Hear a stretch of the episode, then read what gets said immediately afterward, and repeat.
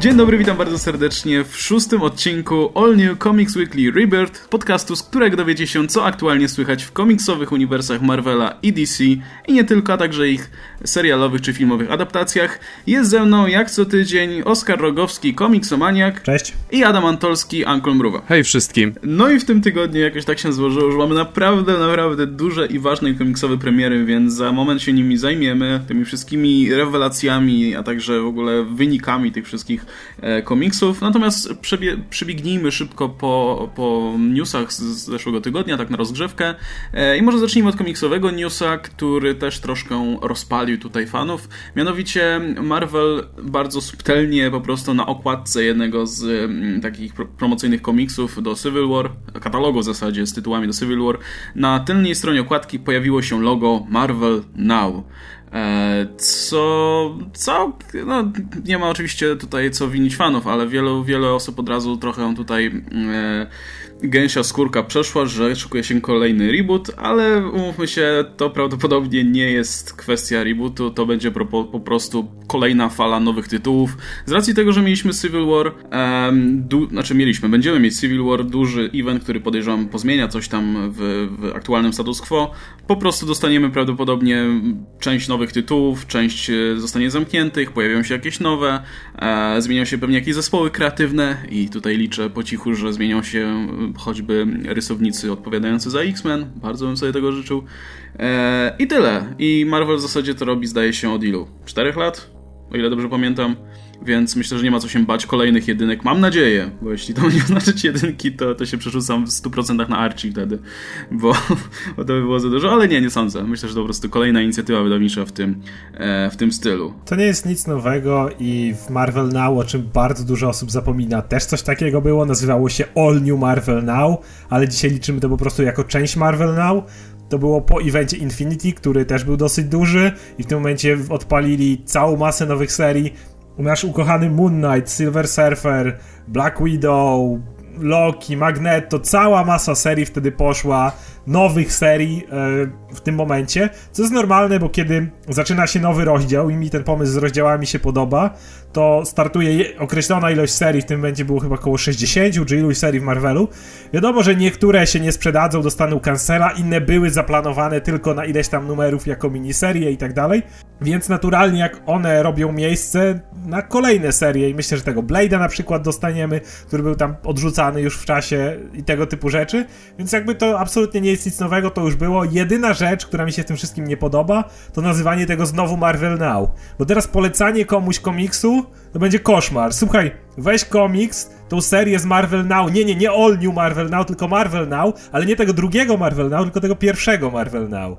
Nie mogli tego nazwać Marvel Today, Marvel You, cokolwiek. Marvel a to jest jakby mój jedyny zarzut. To jest mój jedyny zarzut, po, ponieważ ogólnie lubię te rozdziały, lubię kiedy właśnie jest to w miarę ładnie posegregowane i to jest taki fajny moment, kiedy okej, teraz dostajemy trochę nowych serii. No i wiemy na pewno, że jedną z serii, które zostaną e, zamknięte przy okazji tutaj Civil War, bo w ramach Civil War będzie tylko miniseria z tym związana, będzie Herkules pisany przez Dana Abneta. I mówię tutaj celowo właśnie tym pisarzu, tym twór, scenarzyście, bowiem e, właśnie w zasadzie dzisiaj pojawił się news, że podpisał on e, ekskluzywny deal z DC, czyli po, Jej. po skończeniu tego Herkulesa E, I po, po napisaniu Civil War 2 Gods of War będzie już pisał tylko i wyłącznie dla DC i na dzień dzisiejszy zdaje się, że wiemy o tym, że na pewno będzie pisał Aquamana, co jest dosyć dużym tytułem w zasadzie. E, no i Titans, o ile dobrze pamiętam. Mm, Więc w sumie dosyć ważne tytuły. E, choć trzeba też przyznać, że mimo, że Dan Abnett ma tutaj mm, jakąś tam, jakieś grono fanów, tutaj jednego mamy akurat na miejscu, ale też trzeba zauważyć, że on od dawna nie pisze nic ważnego dla Marvela, jakby nie patrzeć. Odkąd prawda. skończył w zasadzie pisać, e, pisać tę całą sagę z Andym Lanningiem, no to w zasadzie pisze jakieś takie małe tytuły, które się związane na przykład właśnie z tymi klasycznymi Guardiansami. Pisał Guardians 2000, teraz pisze Guardians of Infinity, zdaje się. E, no i takie małe rzeczy raczej. E, także myślę, że Marvel na tym specjalnie nie straci, a może DC zysk- zyska, bo, no bo jeśli mu powiedzie się z tym e, Aquamanem, a Herkulesa pisał całkiem nieźle. Ja za tym, za tym twórcą akurat nie przypadam, ale, ale Herkules mi się strasznie podobał. Także e, no jestem ciekaw, co na przykład Adam sądzi. czy, czy kojarzysz w ogóle jakieś prace e, Dana Abneta? Może z, albo na przykład czekasz na te, które się teraz pojawią? To znaczy, no ja znam tylko jeden tytuł Dana Abneta i to jest Titan Hunt. Titans Hunt i to bardzo dobry komiks, który zaczął się wyjątkowo dziwnie, gdzie pojedyncze zeszyty były strasznie surrealistyczne, zresztą mówiłem o tym na łamach podcastu, ale strasznie mnie wkręcił, widać dużą miłość do tych wszystkich postaci i jestem ciekaw, co przyniesie przyszłość. Ech, Dan Abnet, dlaczego? dlaczego mi to robisz? Człowiek, który pisał absolutnie najlepsze kosmiczne historie w Marvelu. Fakt, że ostatnio niestety dawali mu mało do roboty, bo Marvel nie zapuszczał się za bardzo w kosmos. No i to też, wiesz, to też jest gość, który no nie sprzedawał komiksów, nie? No to, to nie był komiks, który się sprzedawał. Ale tak liczyłem na to, tak liczyłem na to, że będzie jakiś fajny powrót tego, jakieś znowu coś na dużą skalę, ale widać nie mają tego w planach, będą się raczej kurczowo trzymać ziemi przez najbliższe lata Marvela. No więc może faktycznie nie miałby co tu robić, bo te mm, oczywiście Guardians of Infinity czy Guardians 3000 czytam z wielkiego sentymentu, ale to są komiksy tak zagmatwane, że nie poleciłbym nikomu, no.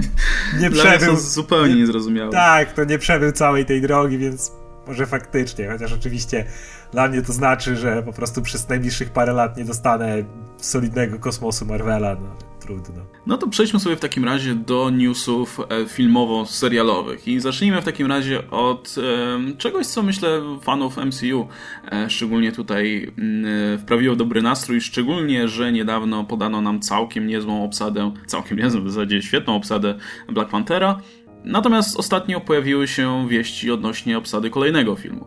To jest Thor i o tą obsadą po prostu Marvel cały czas przebija po prostu poprzeczkę, podnosi ją cały czas jak tylko może.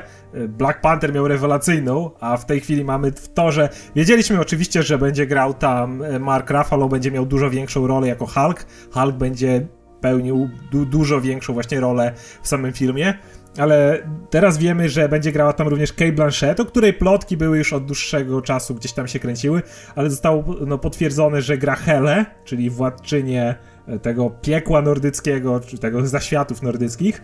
Mm, dalej mamy Jeffa Goldbluma, który gra Grandmastera. To jest taki jeden z tych starszych Elders of the Universe. E, on, do nich należał także kolektor grany przez Benicio del Toro w Guardians of the Galaxy. Dalej mamy Tessę Thompson, którą możecie znać z filmu Creed.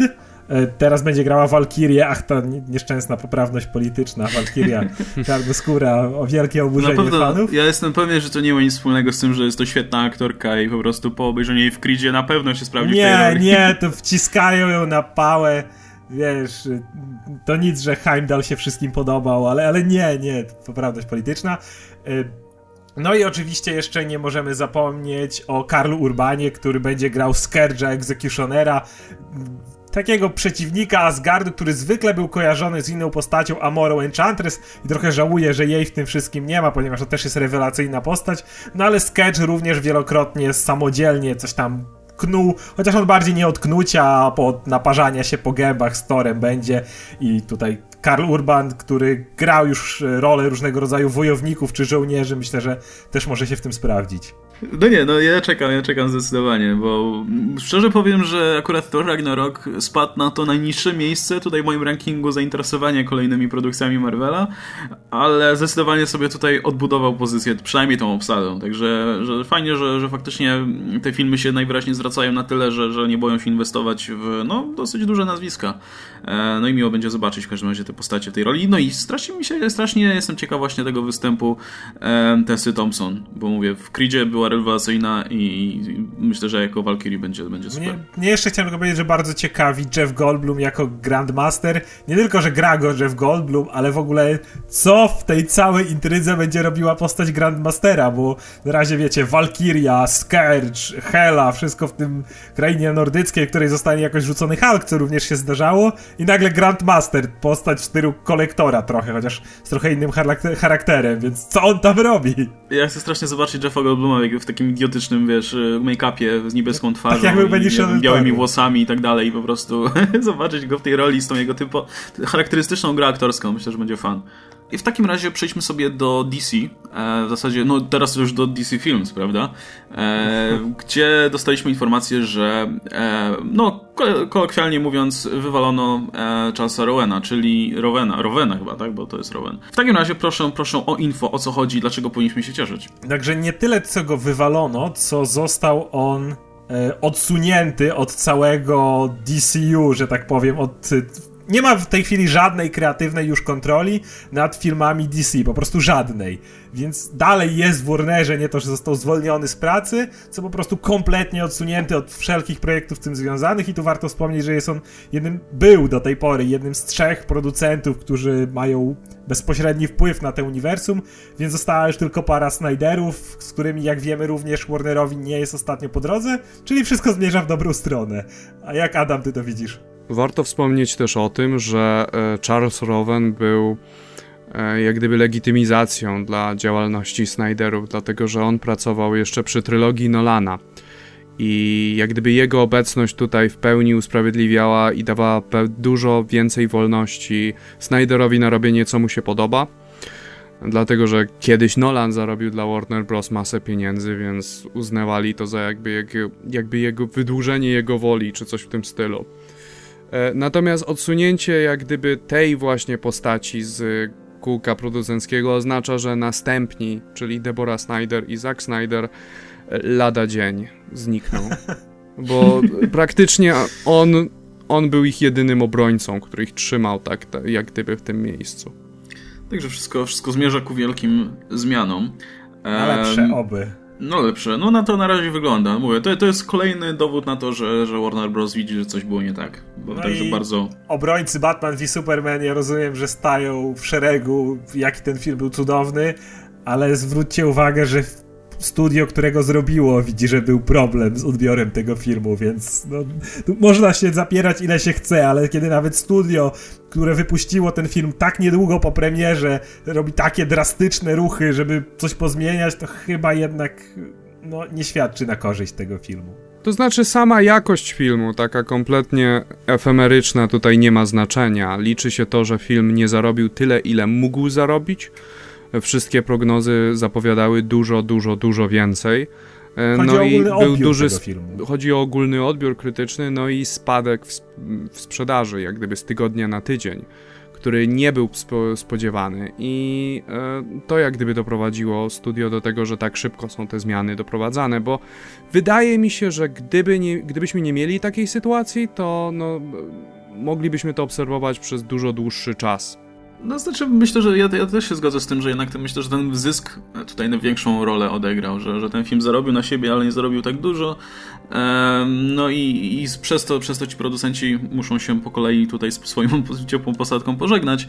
No bo, no mówmy się, taki Man of Steel też nie miał najlepszych recenzji. Może nie miał aż takich złych, co prawda, ale wtedy nikt nawet nie, przez myśl nikomu nie przeszło, żeby cokolwiek tutaj w tej formule zmieniać wówczas, bo, bo film swoje zarobił e, w porównaniu tam do swojego budżetu i tak dalej. Natomiast tutaj jest, tutaj to się rzuca jednak w oczy dużo, dużo bardziej. Właśnie różnica jest taka, że Man of Steel nie miał jakichś wielkich prognoz. To nie było coś, na co wszyscy czekali, szczególnie w Warnerze, jako coś niesamowitego. To było takie próba otwarcia jakichś drzwi i tyle, ile zarobił, to była naprawdę zadowalająca kwota dla Warnera. Kiedy Batman v Superman miał być, wiesz, filmem na poziomie wielkich filmów Marvela, Avengers, Avengers 2 miał spokojnie przekroczyć miliard, to jeszcze z grubą nawiązką, więc no to kompletnie nie wyszło. I ostatnio jeszcze przyszło mi do głowy, mm, jest motyw z, z merchandisingiem całym, czyli y, na tym też wydaje mi się Warner mógł ucierpieć, bo wydaje mi się, że po tym jak został ten film odebrany, to też jest jednak jakby nie patrzeć spory rynek i spora kasa, która nie została zarobiona w tym miejscu, co miało miejsce na przykład z Amazing Spider-Manem i, i zmianami, które tam miały miejsce. Więc to jakby ta, ten zarobek odbija się dużo jakby szerzej niż tylko niezarobiony miliard. Wiesz co, główna przyczyna, dla której Zack Snyder i Deborah Snyder pracowali przy Batman v Superman polegał, była taka, że Man of Steel zarobił naprawdę dużo. E, nie spodziewali się takiego dużego sukcesu finansowego filmu, bo krytyczny był bardzo mieszany. E, I właściwie od tego momentu zaczęli planować pełne filmowe uniwersum. Do, do czasu Man of Steel to było jak gdyby dużym znakiem zapytania. Okej, okay. i mieliśmy jeszcze e, serialową premierę i wiem, że będziecie o to pytać, więc e, proponuję bardzo krótko ten temat omówić, a też nie mamy za dużo powiedzenia, szczerze mówiąc. No pojawi się Preacher, i Adam, czy oglądałeś Preachera? Nie oglądałem Preachera. No właśnie, ja też nie oglądałem Preachera. Czy czytałeś Preachera? Czytałem Preachera. Ale okay, dość ja dawno. Jestem w trakcie, ja jestem w trakcie czytania Preachera. Głównie ten serial, przez to, że się serial pojawił, wreszcie się zabrałem i zacząłem czytać Preachera, e, bo to też jedna z tych pozycji, która jest chyba, myślę, że trzeba by ją znać, bez, no, żeby tutaj nie robić siary. No i wreszcie za to zabrałem. Mi się strasznie podoba. Natomiast za serial niespecjalnie mi się chce zabierać, więc, więc ode mnie za bardzo tutaj nie oczekujcie żadnych opinii. E, natomiast wiem, że Oskar oglądał pierwszy odcinek. Jak ci się podobał i czy czytałeś komiks? Czy możesz to jakoś odnieść do siebie? Tak, czytałem komiks i pierwszy odcinek. Wiem, że fabularnie to będzie miało niewielkie powiązanie z komiksem, ewidentnie, co nie, nie jest jakimś zarzutem. Natomiast klimatem wydaje mi się, że w miarę fajnie odnosi się do Preachera. Oczywiście, kiedy, tak jak ty, jak dopiero gdzieś tam usłyszałem, że robią ten y, serial, to pomyślałem, kurde, może wypadałoby to przeczytać. Jak to czytałem jakiś czas temu, to właśnie tak na zasadzie, okej, okay, tego nie pokażą, nie, nie ma bata, żeby to pokazać, nie, dobra, tego nie zrobią. Więc jakby byłem już na to nastawiony, że nie wszystko przejdzie do serialu, e, ale jakiś taki klimacik można odczuć, jakąś tak, taką niepewność. Wydaje mi się, że szczególnie osoby, które nie czytały komiksu, e, one mogą się w tym odnaleźć, one mogą jakby poczuć jakąś tak coś dziwnego, natomiast osoby, które spodziewały się bezpośredniej adaptacji kartka w kartkę, no mocno się zawiodą, bo ten film, ten serial, przepraszam, będzie bardzo odbiegał od komiksu. Co jest natomiast na plus, to przynajmniej z pierwszego odcinka dosyć fajne odwzorowanie niektórych bohaterów, jak na przykład Cassidy, który jest ważną postacią bardzo w komiksach. Wydaje mi się, że został fajnie odwzorowany w serialu. E, pewne motywy właśnie religijne też zostały fajnie wzięte, ale ogólnie, tak jak mówię, nie należy się spodziewać w żadnym wypadku wiernej adaptacji, co najwyżej przeniesienie jakiegoś takiego klimatu, nie wiem, ducha tego komiksu. Przynajmniej z tego, co pamiętam Preachera, to wszystko, co pamiętam, jest takim materiałem, którego nie mógłbyś zrobić w serialu. I wydaje mi się, że po prostu wszystko, co widziałem do tej pory, wyglądało strasznie tanio i biednie. Więc nawet nie próbowałem i nie mam zbyt dużych nadziei no, spoko. No ja na przykład nie planuję oglądać, bo po prostu jakoś nie widzę sensu za bardzo, bo e, no wolę przeczytać komiks to miejsce po prostu, który ma tam jakąś pozycję już e, wypracowaną. No i z jednej strony, jeśli faktycznie jest tak, jak Oskar mówi, że pewnych rzeczy po prostu nie mogą przenieść i zresztą tak jak ty mówisz, no to nie widzę sensu, żeby oglądać serial, a nawet gdyby przenieśli rzeczy z komiksu, no to też nie widzę za bardzo powodu, żeby oglądać serial, który po prostu adaptuje komiks, jeśli mogę wziąć komiks zawsze. Więc ja, ja ogólnie mam problem z takimi adaptacjami bezpośrednimi. Wolę, wolę po prostu, gdy mamy do czynienia z oryginalną historią, która po prostu bierze sobie jakąś esencję z tego. Ale, wydaje mi się, strony... że tak właśnie będzie. Tak, tylko że wiesz, z drugiej strony przy takim materiale jak Preacher masz tam e, rzeczy, które trochę ugrzecznione już strasznie, wiesz, no nie chcę powiedzieć, że spłycają, bo to złe słowo, ale no sprawiają po prostu, że, że ten serial staje się mniej interesujący niż komiks w ten sposób. Więc, więc ja będę się po prostu trzymał komiksu. Może kiedyś sprawdzę, jak, jak już będę miał za sobą całość, całość e, komiksu. E, dobra, myślę, że, że na tym w takim razie możemy skończyć możemy przejść do e, tematów, które po prostu nagle nam wyskoczyły w ogóle i, i, okazuje się, że możemy zrobić odcinek praktycznie tylko o komiksach i będzie naprawdę o czym mówić, będą kontrowersyjne, ważne rzeczy. Więc zacznijmy od najważniejszego tematu, czyli powrotu Afterlife with Archie. E, czekałem na ten komiks cały rok, e, pojawił się dziewiąty zeszyt i jest cudowny jak wszystkie. Serio? I... no dobra, no, no okej. Okay. Ale szczerze mówiąc, jeśli już mówimy o temacie numer jeden, to ja jestem zaskoczony, bo wyrósł nam na temat numer jeden właśnie temat Kapitana Ameryki z jakiegoś powodu. I to jest po prostu mind blown, jak, jak obserwuję wiesz, social media, Twittery i tak dalej. Wiesz, DC Comics dopiero co zniszczyło w zasadzie, no wiesz, wybuchnęło w powietrze całą, całe continuity, zabiło Supermana, e, nie wiem, przywróciło jakieś postacie, które, na, które, na które fani czekają od dawna, włączyło Watchmen w to wszystko i nikt o nich nie mówi, bo wszyscy mówią o tym, że Kapitan Ameryka jest teraz nacji. to jest po prostu genialne. Więc y, chylę czoła ogólnie przed tym trollingiem i tym, że zrobili takie zamieszanie komiksem o Kapitanie Ameryce. Bo kiedy ostatnio słyszeliście, żeby ktoś mówił ej, widziałeś co się zdarzyło w Kapitanie Ameryce? No nigdy. Nikogo to nigdy nie obchodziło. Przecież jak Remender pisał tę serię, to wszyscy mieli ją w dupie. Nikt w ogóle nie, nie mówił, nikt jej nie czytał i, no i musieli tego Steve'a Rogersa wywalić z niej, bo, bo nikt go nie czytał. A tu nagle mamy tytuł, który po prostu, wokół którego toczą się dyskusje i ludzie w ogóle rozrywają szatę i tak dalej. No dobra, ale o co chodzi? Więc zacznijmy od tego kapa w takim razie. O co chodzi? Nick Spencer, który pisał ostatnio sama Wilsona, po wydarzeniach ze standów, o których mówiliśmy, także cofnijcie się proszę do poprzednich podcastów, żebyśmy tutaj nie musieli wszystkiego tłumaczyć od początku. No i w każdym razie Nick Spencer pisze teraz Steve'a Rogersa, który po wydarzeniach w standów jest znowu młody, jest znowu w pełni sił, no i widzimy go w akcji w tym pierwszym zeszycie, który wyszedł w tym tygodniu. I może nie będziemy go jakoś tam recenzować specjalnie, ja zresztą też planuję napisać na blogu po prostu o tym zeszycie tylko i wyłącznie ze swojej perspektywy, natomiast są trzy tutaj kwestie związane z nim. Po pierwsze to jest sam poziom komiksu jako komiksu po prostu, E, no i ze swojej strony muszę powiedzieć, że mi jako fanowi tego, co Nick Spencer pisze, to generalnie mi się podobało, natomiast no, myślę, że osoba, która Spencera aż tak nie, nie fanuje jak ja, będzie miała parę problemów z narracją, chociażby z utrzymaniem tonu, który się zmienia po prostu ze strony na stronę. E, no, jest tutaj parę, parę problemów, które, które trochę mi przysłania to, co u Spencera lubię, czyli, czyli te takie bawienie się tymi, tymi mm, no, mało popularnymi przeciwnikami, albo ten jego humor, czy no, te, te wszystkie jego typo, typo, typowe Spencerowe rzeczy.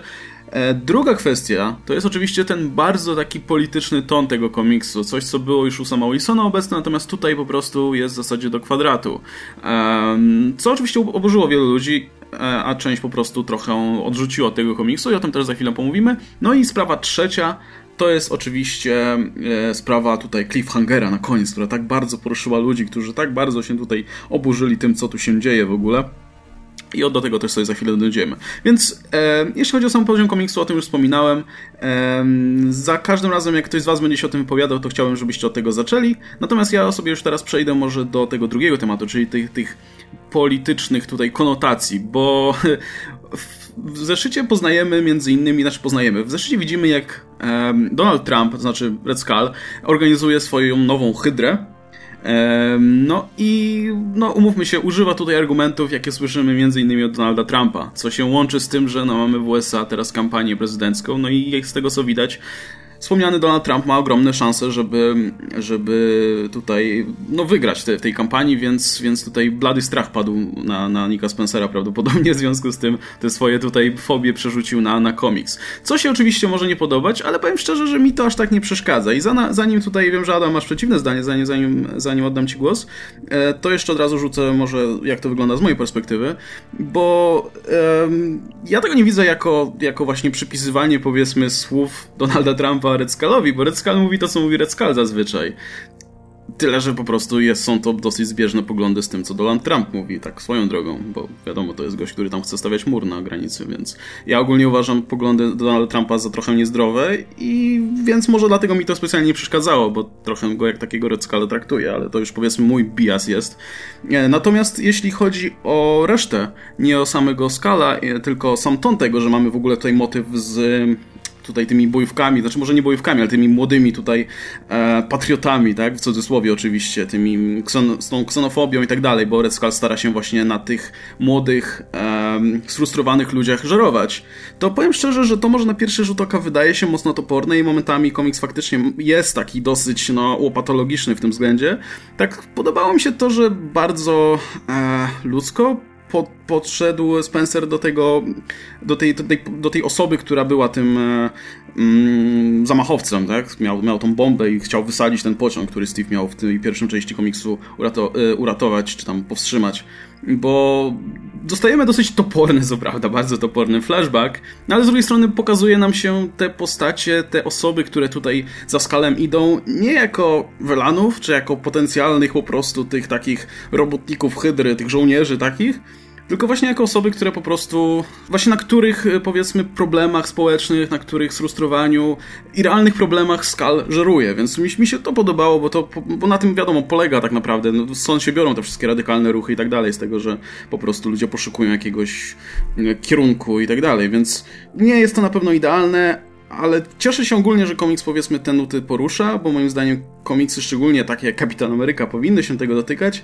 Aczkolwiek fakt, że mógłby to robić ciut zręczniej i może trochę ciut bardziej bezstronnie może, ale mi to nie przeszkadza, aczkolwiek muszę zauważyć, że być może dlatego mi nie przeszkadza, że moje poglądy są tutaj troszkę zbieżne z, tutaj z autorem. Okej, okay, dobra, ja już się zamykam, także chętnie poznam wasze zdanie odnośnie tutaj samego poziomu komiksu, no i tej kwestii, o której mówiliśmy, natomiast e, tutaj sprawę cliffhangera zostawimy sobie na koniec. Jeśli chodzi o sam poziom komiksu, nie wchodząc jeszcze w politykę, na, za chwilę wygadam się w pełni, dam podobną, podobny rant jak ty, no to nie było aż tak źle. W sensie była troszeczkę przerywana e, narracja, e, dialogi jak gdyby nie przechodziły płynnie i wszystkie sceny nie, nie, nie zgrzytało tak jak gdyby na przejściach. Jakby jest, jest kilka wątków, jest wątek tej przeszłości Kappa, jest wątek Red Scala i tego originu, tego złoczyńcy, który umiera w tym zeszycie, tego takiego przeciętnego henchmana Red Scala powiedzmy.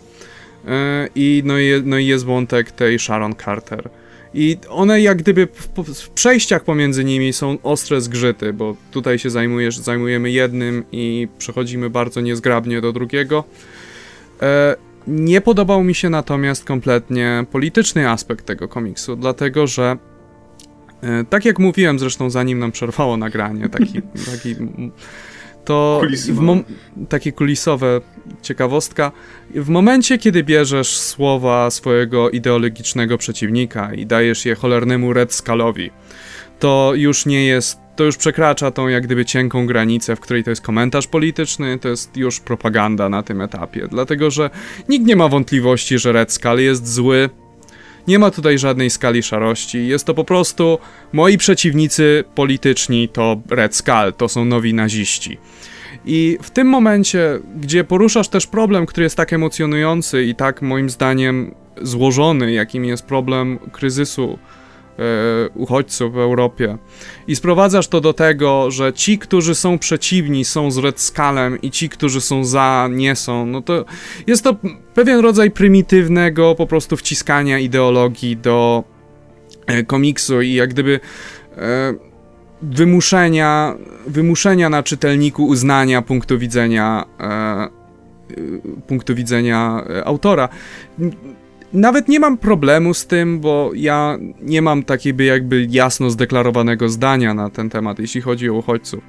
E, o ile mam problem właśnie z finezją, jaką zostało to dane zdanie przedstawione. Nie mam też problemów z czytaniem, e, z czytaniem komiksów ludzi, którzy mają inne poglądy niż ja.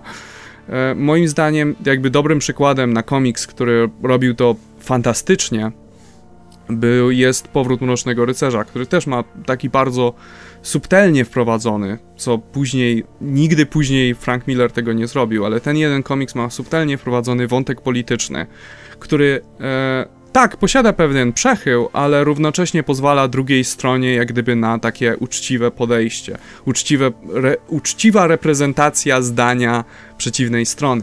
I tego jak najbardziej mi tutaj zabrakło. E, Red Skull praktycznie brakowało tylko tego, żeby miał tupecik Donalda Trumpa. Ja nie chcę się powtarzać, jeśli chodzi o jakość komiksu, bo zgodzę się dokładnie z tym, co powiedziałeś. Same wątki były niezłe, przejścia pomiędzy nimi trochę zbyt urywane miało się wrażenie, że się czyta kilka komiksów naraz, ale jakby to już powiedziałeś, co chciałeś. Natomiast zanim przejdę już do Red, jeszcze do Red Scala i Donalda Trumpa, chciałem powiedzieć o najważniejszym elemencie tego komiksu. Bo Oczywiście. Nikt tego nie poruszył. Natomiast w tym komiksie powrócił największy heros Marvela, jedna z najbardziej renomowanych postaci w historii, czyli Jack Flag. I prawdopodobnie bohatersko zginął. Jest, jest duże prawdopodobieństwo, ale jest też możliwość, że po prostu, co byłoby według mnie najlepsze, w ogóle Nick Spencer w tym komiksie jest jak mówimy, mało subtelny w tych miejscach, ale w innych to działa rewelacyjnie, kiedy Jack Flag przykłada tam jakiemuś właśnie z tych nazistów po gębie i mówi, że on tak się cieszy, że znowu jest istotny.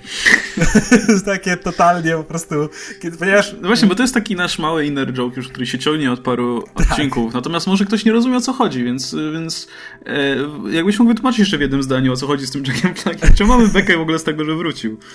Y, jakiś czas temu było ogłoszone, że powraca jakaś bardzo ważna, jakiś heros powraca w standoffie, co ostatecznie wyszło źle i cała masa w internecie spekulowała, który to będzie heros, więc zaczęliśmy rzucać z takim, tak, tak, tak dla jaj rzucać, że to będzie Jack Flag. A dlaczego? Dlatego, że to była postać, która nie zginęła, tylko po prostu nagle o niej zapomniano. On był Guardians of the Galaxy i w pewnym momencie po prostu zapomniano, że on był. Do innych, jak powstała ta druga grupa Guardians of the Galaxy, to się odniesiono na przykład, że jakaś tam postać jest na nich obrażona, że ich znowu nie, nie zrekrutowano i tak dalej. Do jakiejś postaci ze starego składu się odniesiono. Do Jacka Flaga nie. To był gość, który nagle był, był, był, pch, zniknął. Po prostu nikt absolutnie nie, nie odniósł się do niego. Po prostu przestał istnieć. Wszyscy twórcy zapomnieli, że ktoś taki gdziekolwiek istniał. I dlatego stwierdziliśmy, że to musi powrócić Jack Flag, ponieważ nikt o nim nie pamięta i jest to jeszcze zabawniejsze, że zaledwie miesiąc po tym naszym dowcipie Jack Flag faktycznie wrócił do komiksów. W innym miejscu, co prawda, chociaż trochę związanym ze standoffem, ale jednak. Plus odniesiono Więc... się jeszcze do tych Guardiansów, to jest dobre. Tak, jeszcze odniesiono się do tego, jak on mówi, że był w Guardiansach e, i nikt mu nie wierzy, że był w tych Guardiansach. Więc to jest, to jest postać, która e, jakby jest tak e, Nick Spencer zdaje sobie sprawę, że to jest postać, o której zapomniano i pisze to jako o gościu, o którym zapomniano i on teraz koniecznie chce, żeby o nim pamiętano, żeby on tu był, żeby wszyscy widzieli, że on tu jest i przy kapitanie Ameryce, także to, to jest najistotniejszy news całego tygodnia. Jack Flag powrócił. Jeśli chodzi natomiast o polityczny aspekt, to ja mam podobnie trochę jak i Kabot, bo mi dosyć blisko do, do tych poglądów, więc jakby aż tak mnie to nie razi. Natomiast o czym warto powiedzieć w kwestii Red Schoola i Donalda Trumpa, widzisz, nie tak dawno temu e, miałem, pomagałem przy korekcie merytorycznej do Uncanny Avengers Czerwony Cień, które wyszło niedawno na polskim rynku i tam Red School również ma swoje przemowy. Problem polega na tym, że jak ja je czytałem, to wydawało mi się, że czytam Donalda Trumpa. Problem polega na tym, że ten komiks wyszedł na długo zanim jakakolwiek kampania prezydencka Donalda Trumpa się zaczęła. Więc yy, Red Skull w jakiś sposób dalej mówi to samo, co mówił, tylko z jakiegoś powodu nagle zaczęło nam się to zbiegać z tym, co mówi Donald Trump. Czy odnosił się do bieżącej polityki, jak gdyby do, bo kryzys Tak, tylko akurat wtedy jest... odnosił się do całego problemu w ogóle Meksykanów, Latynosów, w ogóle innych, jak on to określał, i oczywiście tam dodał do tego mutantów, bo o to chodziło w tym e, do, do, jednego worka, którzy na, wchodzą na nasze ulice i całe te poruszenie przeciwko tym, którzy zabierają nam nasze domy, ścierwy genetyczne i tak dalej. Więc y, no, trochę. Nie przypominam Generalnie... sobie, żeby Donald Trump kiedykolwiek użył określenia e, nie, no ścierwo genetyczne. Okej, okay, okej, okay, okej, okay, bo to e, było w kwestii do mutantów. Natomiast poruszał też jakby inne rzeczy i odnosił się też do, do masy, do tłumów. Jasne, to obecne jest dużo bliższe, dużo bardziej sprofilowane na, na Donalda Trumpa. Jasne, że o co chodzi tutaj Spencerowi, ale nie należy pamiętać, że to nie jest znowu aż tak dalekie od tego, co Red Skull generalnie mówi. Jasne, wesz, wszedł problem uchodźców, wpisano różne dodatkowe dzisiejsze wydarzenia, ale to jest cały czas zgodne z duchem Red Skulla? No, przykro mi, ale tak jest. Tak, no, tak nie jestem mówi, pewien, więc... czy jest zgodne, dlatego że tutaj mam komiks przed sobą, więc będę tutaj szpanować po prostu swoją wiedzą.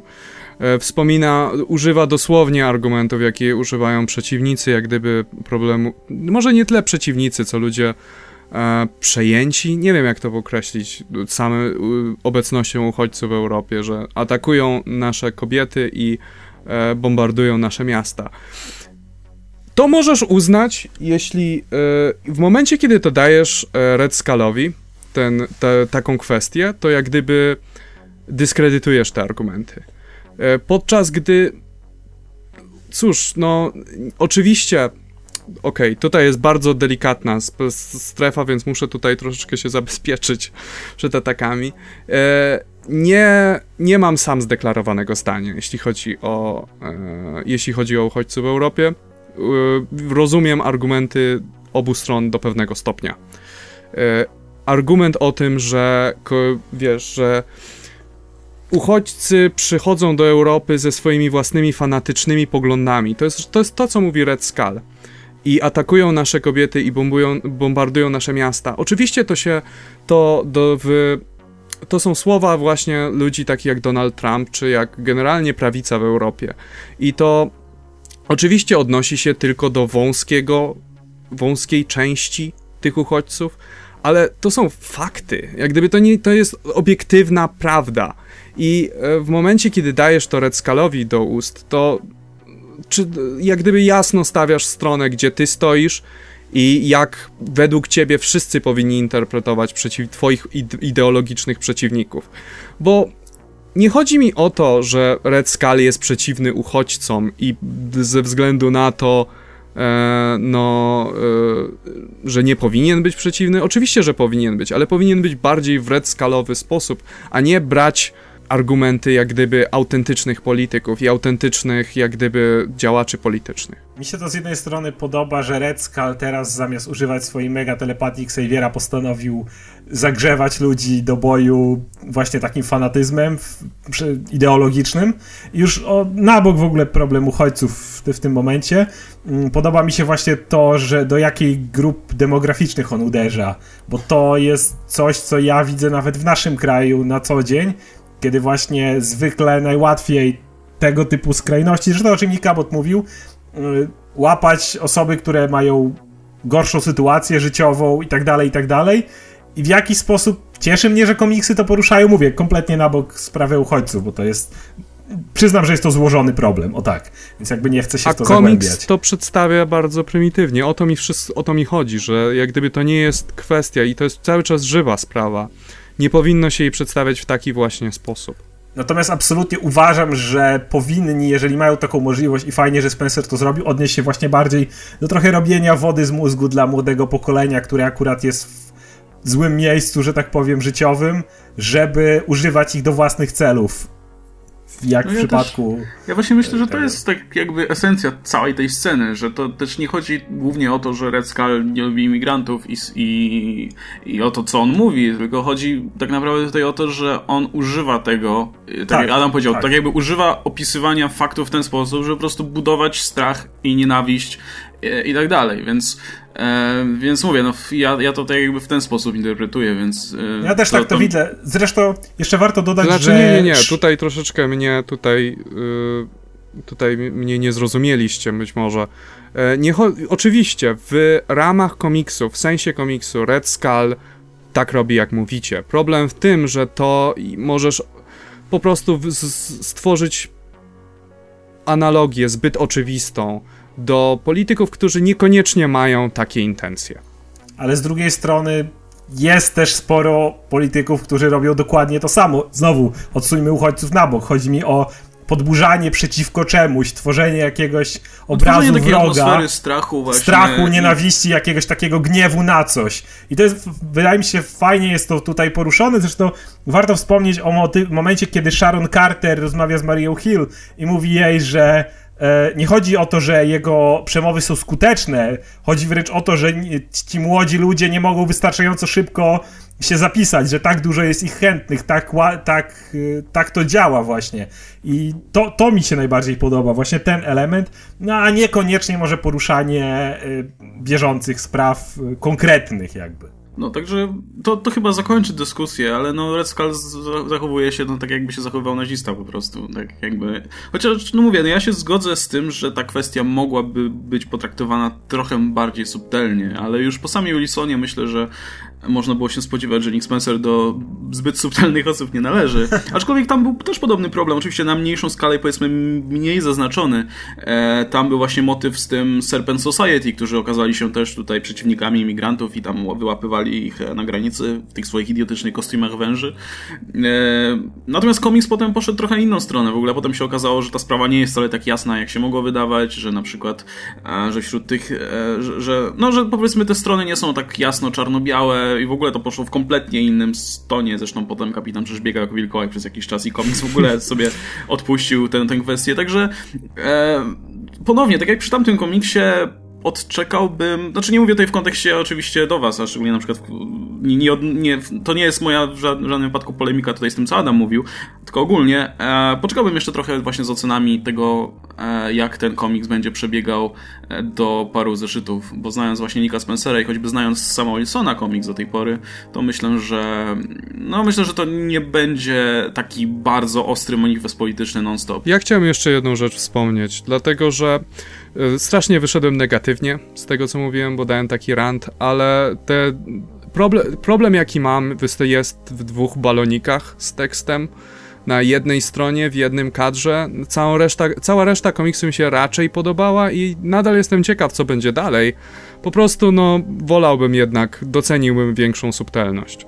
To wszystko. Ciekaw jestem, czy to może też wynikać w pewnym stopniu po prostu z tego, że Amerykanie może widzą tę sytuację trochę inaczej, bo może Nick, wiesz, Nick Spencer jako Amerykanin może nie ma powiedzmy dobrego poglądu na to, jak ta kwestia wygląda w Europie, e, a jako przedstawiciel USA patrzy na to trochę inaczej, w związku z tym, że w końcu jest to nacja stworzona w zasadzie przez imigrantów. To myślę, że możesz mieć w tym rację, szczególnie, że w tej chwili jak gdyby scena polityczna w Ameryce się zrobiła strasznie binarna.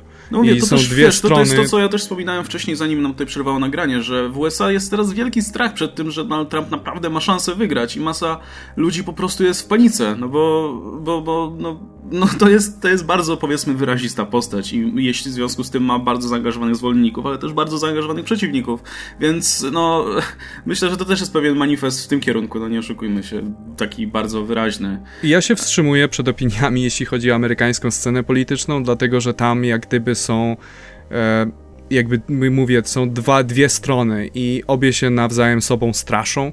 I zwolennicy. Donalda Trumpa straszą Hillary Clinton, zwolennicy Hillary Clinton straszą Donaldem Trumpem i, i to po prostu zaczyna tworzyć taką paranoję. Prawdopodobnie e, zarówno Hillary, jak i Donald Trump nie są aż tak, jak próbują je przeciwnicy, je próbują ich malować przeciwnicy. E, no, myślę, że myślę, że jak gdyby taki ruch troszeczkę alienuje czytelników w tym przypadku Kapitana Ameryki, jakby takie jasne opowiedzenie się po jednej ze stron. E, szczególnie, że ja liczyłem, że e, Steve Rogers, Kapitan Ameryka, będzie pisany troszeczkę mniej z perspektywy politycznej, właśnie dlatego, że Sam Wilson był tego tak, był tym troszeczkę przepełniony, przynajmniej początek. No, to tyle. No właśnie, więc jeszcze a propos samego komiksu, już wspomniałem mi się tak krót, krótko jeszcze powiem, że e, Oskar o tym wspominał, że to się trochę czyta jak dwa osobne, czy, czy kilka osobnych komiksów, e, także to z tym się zgodzę, że to zostało przedstawione, poprowadzone tak sobie, natomiast akurat sam fakt, że mamy dwa takie najważniejsze wątki idące web w web mi się podoba, to mi się też strasznie na przykład Hawkeye'u podoba cały czas, Lemira. E, I jeszcze jedna rzecz, która mnie strasznie irytowała, to jest to, że jest strasznie kiepsko narysowany ten zeszyt. Znaczy, mam, takie statyczne kadry są ok, natomiast sceny akcji są strasznie takie toporne i takie mało dynamiczne. Mi się w ogóle nie podoba nowy design kapitana. No design to, to już nie, wydaje mi się, że o designie już mówiliśmy. Ten okay. strój wygląda brzydko i no, sam design mi się nie podoba, kolory mi się nie podobają, także... Strasznie dziwny jest coloring. I... Wygląda jakby on chciał wyjść na pole jakiegoś, jakiegoś sportu i pobiegać i coś no, porobić. Też, też mi się nie, nie podoba. A, przy, przy, czym na przykład strój sama Wilsona mi się strasznie podobał, e, a tego nie kupuję zupełnie. No i Głowa którym... kapitana mi wygląda jakoś nieludzko i nie potrafię tak, tego wyjaśnić. To wygląda jak taki strój inspirowany mocno tym kostiumem z Ultimate czy, czy no, to prawda. Taki właśnie, chociaż trochę kolory ma zmienione, ale ogólnie widzę, że inspiracja była duża. Szczególnie ta część, choćby ta maska cała wygląda po prostu jak żywcem wzięta stamtąd, co nie jest dobrą, dobrą znaką zresztą. Ehm, jeszcze jedna rzecz, która mi się strasznie podobała, to jest Zimo. Jestem ciekaw waszego zdania, bo są ludzie, którzy których e, taka charakteryzacja tej postaci trochę męczy i są ludzie, którzy są nią strasznie zrozczarowani, bo czytałem na przykład opinię, że e, no za czasów tam, nie wiem, e, Nicjezy na przykład Zimo był takim ważnym, poważnym i faktycznie groźnym przeciwnikiem, natomiast tutaj jest sprowadzony do roli żartu.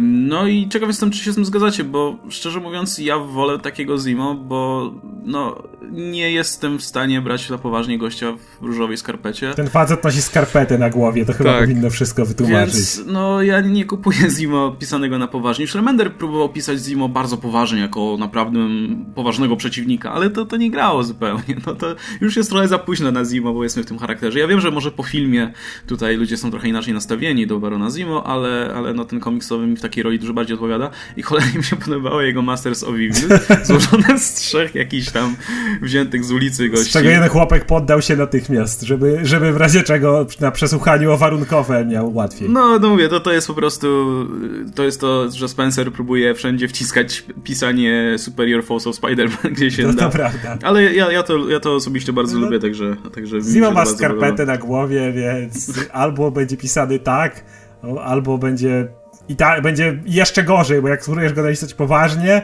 to będziesz się zastanawiał, dlaczego ten gość z skarpetą na głowie mówi o swoich mrocznych planach w tak poważny sposób.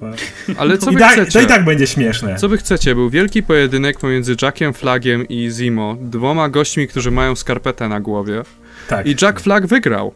Właśnie w momencie, kiedy pokonujecie Jack Flag. Ale tylko to już dlatego, jest- że go to wziął z już jest zaskoczenia. To nieważne, w momencie, w którym. Sam też został jesteś- wzięty z zaskoczenia W momencie, w którym, w którym jest pisany komiks, w którym jedna postać jest pokonywana przez Jacka Flaga, to jest koniec. To, Koniec. to, to już jest game over w tym momencie. Dobra, to przejdźmy w takim razie do tej rzeczy, która tutaj e, wywoła największe kontrowersje, czyli Kapitan Ameryka e, na samym końcu komiksu mówi Hail Hydra i okazuje się, że cały czas współpracował z Hydrą i jeśli nie wywnioskowaliście z tego, z tego z komiksów, to Tim Brevoort mówił w wywiadzie, że tak, Kapitan Ameryka cały czas był tutaj, znaczy on to oczywiście tak bardzo enigmatycznie mówi, że kapitan współpracuje z Hydrą i to jest Kapitan Ameryka, to nie jest żaden klon e, i kapitan od samego początku, i dlatego mamy ten flashback, z samego początku współpracuje z Hydrą, co oczywiście ludziom się w głowach zagotowało od razu i stwierdzili, jak to Kapitan Ameryka od tych 70 lat pracował, współpracował z Hydrą, przecież to niemożliwe.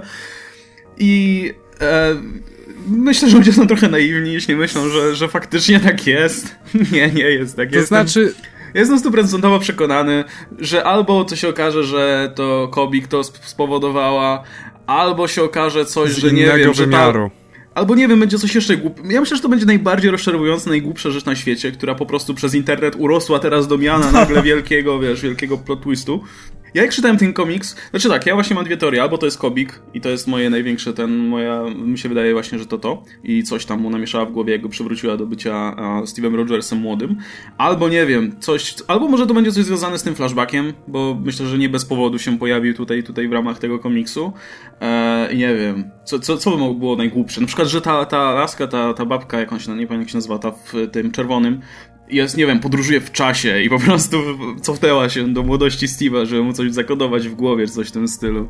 Albo coś w tym guście. Cosmic Cube podmienił Steve'a Rogersa i to jest Steve Rogers z innego wymiaru. Ale to jest Steve Rogers. Mówili, że to jest ten Steve Rogers. Tak powiedzieli w wywiadzie. Jak nie, to się okaże, że kłamali. Y, Nick Spencer powiedział, że to jest, tak, to jest Steve Rogers, ale być może to nie jest ten sam Steve Rogers, którego znacie. I to możesz zrozumieć jako, że się zmienił, ale możesz też zrozumieć, że to jest z innego wymiaru. W ogóle, czy was, je- jeszcze, jeszcze takie pytanie w takim razie, czy w ogóle na was zrobiło takie gigantyczne wrażenie? Bo ja przeczytałem ten komiks, mówię, on mi się nawet podobał, zacząłem się zastanawiać nad tą kwestią tej polityczną i tak dalej, no mówię, no fajny komiks. Tak przyjechałem do samego końca, e, mamy tą ostatnią scenę i tak mówię, o, Jack Flag zginął, a potem... O, okej, I, nie? I mówię, o kurczę, ciekawe, jak z tego wybrnął, nie? I to i odłożyłem ten komiks, wyszedłem sobie na, na miasto, wróciłem, od, odpalam internet, drama.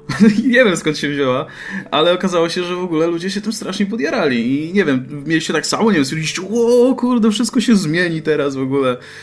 Czy, czy jesteście już takimi zblazowanymi fanami komiksu, którzy stwierdzili, a, i tak to odwrócą za trzy zeszyty? Ja chyba jestem zblazowany, bo e, nie wiem, czy czytałeś Batman and Robin Eternal, numer pierwszy. I tak, ten tak. zeszyt kończy się tym, że widzisz Batmana ze spluwą, z której wiesz, leci A, dym i tak, matko, zadanie zostało wykonane. No sugestia była taka, że Batman jak Punisher latał sobie po mieście i mordował ludzi. I wtedy też była maleńka drama, dużo mniejsza w skali niż teraz. Ale jak gdyby trzy zeszyty później okazało się, że wszystko jest spoko. I że tak, to był Batman, po prostu jeszcze nie znasz całej historii i to zupełnie inaczej, jak masz już cały kontekst wydarzenia. I myślę, że tutaj jest podobna sytuacja, że no tak, jak gdyby był w Hydrze technicznie, czy coś w tym stylu, że po prostu e, w tej sytuacji to się ujawnia i ten wątek zostaje powiedziany. Być może to będzie jakiś lekki retcon e, do historii e, Steve'a Rogersa. Być może faktycznie przez jakiś czas był, na przykład był podwójnym agentem, czy coś w tym stylu, czy potrójnym. Ale nie wiem, nie mam pojęcia. E, nie sądzę, żeby to było trwałe. Może mieć reperkusje, e, natomiast e, bardziej trwałe. E, jak gdyby nie tyle, nie tyle jeśli chodzi o samego kapitana, co na to, jak inni bohaterowie Marvela mogą reagować na tego newsa. No bo Nick, Nick, Nick Spencer już powiedział, że to będzie miało duży wpływ na samą Wilsonę chociażby. I to mi się strasznie podoba, że, że to mm, jakieś tam właśnie sam się będzie do tego odnosił. No bo też to strasznie fabularne, strasznie fajną rzecz fabularnie robi, że będziesz miał samego Wilsona, który będzie, no nie wiem, na przykład powiedzmy, że on się dowiaduje, że Sim jest zły jest członkiem Hydry. E, I nikt mu w to nie uwierzy oczywiście, bo nie jest tylko samym Wilsonem, a nie wielkim Steve'em Rogersem, który może sobie działać dalej incognito jako agent, jako agent Hydry. E, także może coś fajnego z tego wyjdzie, zobaczymy. Oskar, co ty uważasz?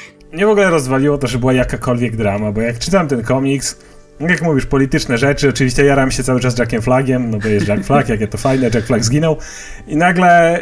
Nie, zero, zero w ogóle ten reakcji. Nie, Ostatnia strona, Hail Hydra, no spoko, zobaczymy co dalej, ostatnia strona. Potem ty mi mówisz, ale drama z tym, z tym, z kapitanem. Tak się, co, przeczytałem tam jakiś post czy coś, ale nie wiem, to tak jakby ci ludzie nie czytali komiksów może, chyba może? nie czytają. O Mówimy chodziło? o komiksach, w których dzieją się rzeczy od bycia podwójnym agentem do kosmicznych cubów, które zmieniają rzeczywistość i innych innymi rzeczami, w których możesz dać wytłumaczenie, że Galactus, nie wiem, beknął głośnie i zmienił się świat, czy Molecule Man dostał hamburgera i skrzesił komuś matkę. Po prostu w tym momencie robić jakąkolwiek dramę, że stało się coś takiego, bo o, tu kanon ruszają, zmieniają. To był jeden panel, ostatni panel. Może stać się pierdyliard rzeczy. W ogóle ja, dla mnie to jest ciężko zrozumieć, że z takich rzeczy może powstać drama. Wydaje mi się, że ona prawie zawsze powstaje wśród ludzi, którzy nie czytają komiksów, którzy nie są na bieżąco z historiami, tak samo jak są te podmianki. E, Wolverine jest kobietą, e, coś tam i tak dalej. Wszelkie te rzeczy wydaje mi się, że najbardziej buchają w środowiskach ludzi, którzy czytają o komiksach, dowiadują się o komiksach, ale nie czytają na bieżąco komiksów. Bo inaczej dla nich to byłby po prostu naturalny ciąg historii, który, która jakoś tam się rozwija. I okej, okay, nie takie rzeczy się pojawiały. Z moich założeń wydaje mi się, że albo komik, albo coś w rodzaju potrójnego agenta, albo na przykład Red Skull mu, który lubił tam się bawić, mu zaimplementował jakieś dodatkowe wspomnienia, które potem mu wybiją. Ale to nieważne. Rozwiązań jest 50 tysięcy i dla mnie w ogóle fakt, żeby robić wokół tego jakąś dramę jest tak niedorzeczny. Zabawne szczególnie, że nie wiem, e, bardzo niedawno Superman był, stał się wylanem i zaczął, wiesz, atakować ludzi i nikomu to nie przeszkadzało. Zresztą ile razy, wiesz, ważni bohaterowie stawali, stawali po drugiej stronie i chyba nigdy nie było aż takiego poruszenia niż kiedy. W ogóle strasznie, to, to jest z jednej strony dziwne, a z drugiej strony strasznie fajne, że Kapitan Ameryka znowu jest ważny w ogóle w jakikolwiek sposób i naprawdę wszyscy się interesują tym, co, co jest kapitanem. Wszyscy, o nie, Kapitan Ameryka! E, rozumiem, że to pewnie zasługa filmów, ale, ale i tak, e, niezła, niezłe, niezła zmiana tutaj w ogóle status quo. E, no dobra, myślę, że tyle, tyle jeśli chodzi o sam komiks. E, I ja zapraszam do siebie na bloga, gdzie tam będzie mała, krótka recka i właśnie parę słów o, no o tym właśnie, żeby się tą zmianą specjalnie nie przejmować. Trochę tutaj to, o czym mówiliśmy przed chwilą.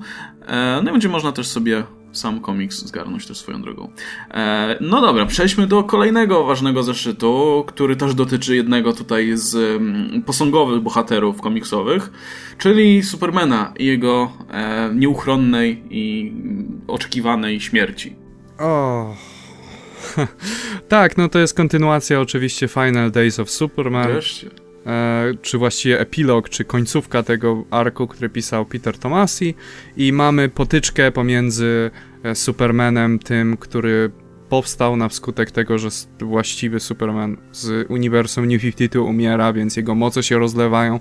Więc jakiś przypadkowy ziomek dostał te moce i stał się takim nuklearnym reaktorem z pamięcią i z wszystkimi wspomnieniami i umysłem Supermana i lata dookoła i i trzeba go powstrzymać, bo jest zagrożeniem dla całego świata. No i e, Superman oczywiście walczy z nim i wylatują w kosmos Razem przy okazji przylatuje ten stary Superman z przednią 52, który też tutaj się pałęta. E, udaje im się go wrzucić, przeładować jak gdyby jego energię, zbliżając go do Słońca. Superman spada na ziemię i e, no skisł.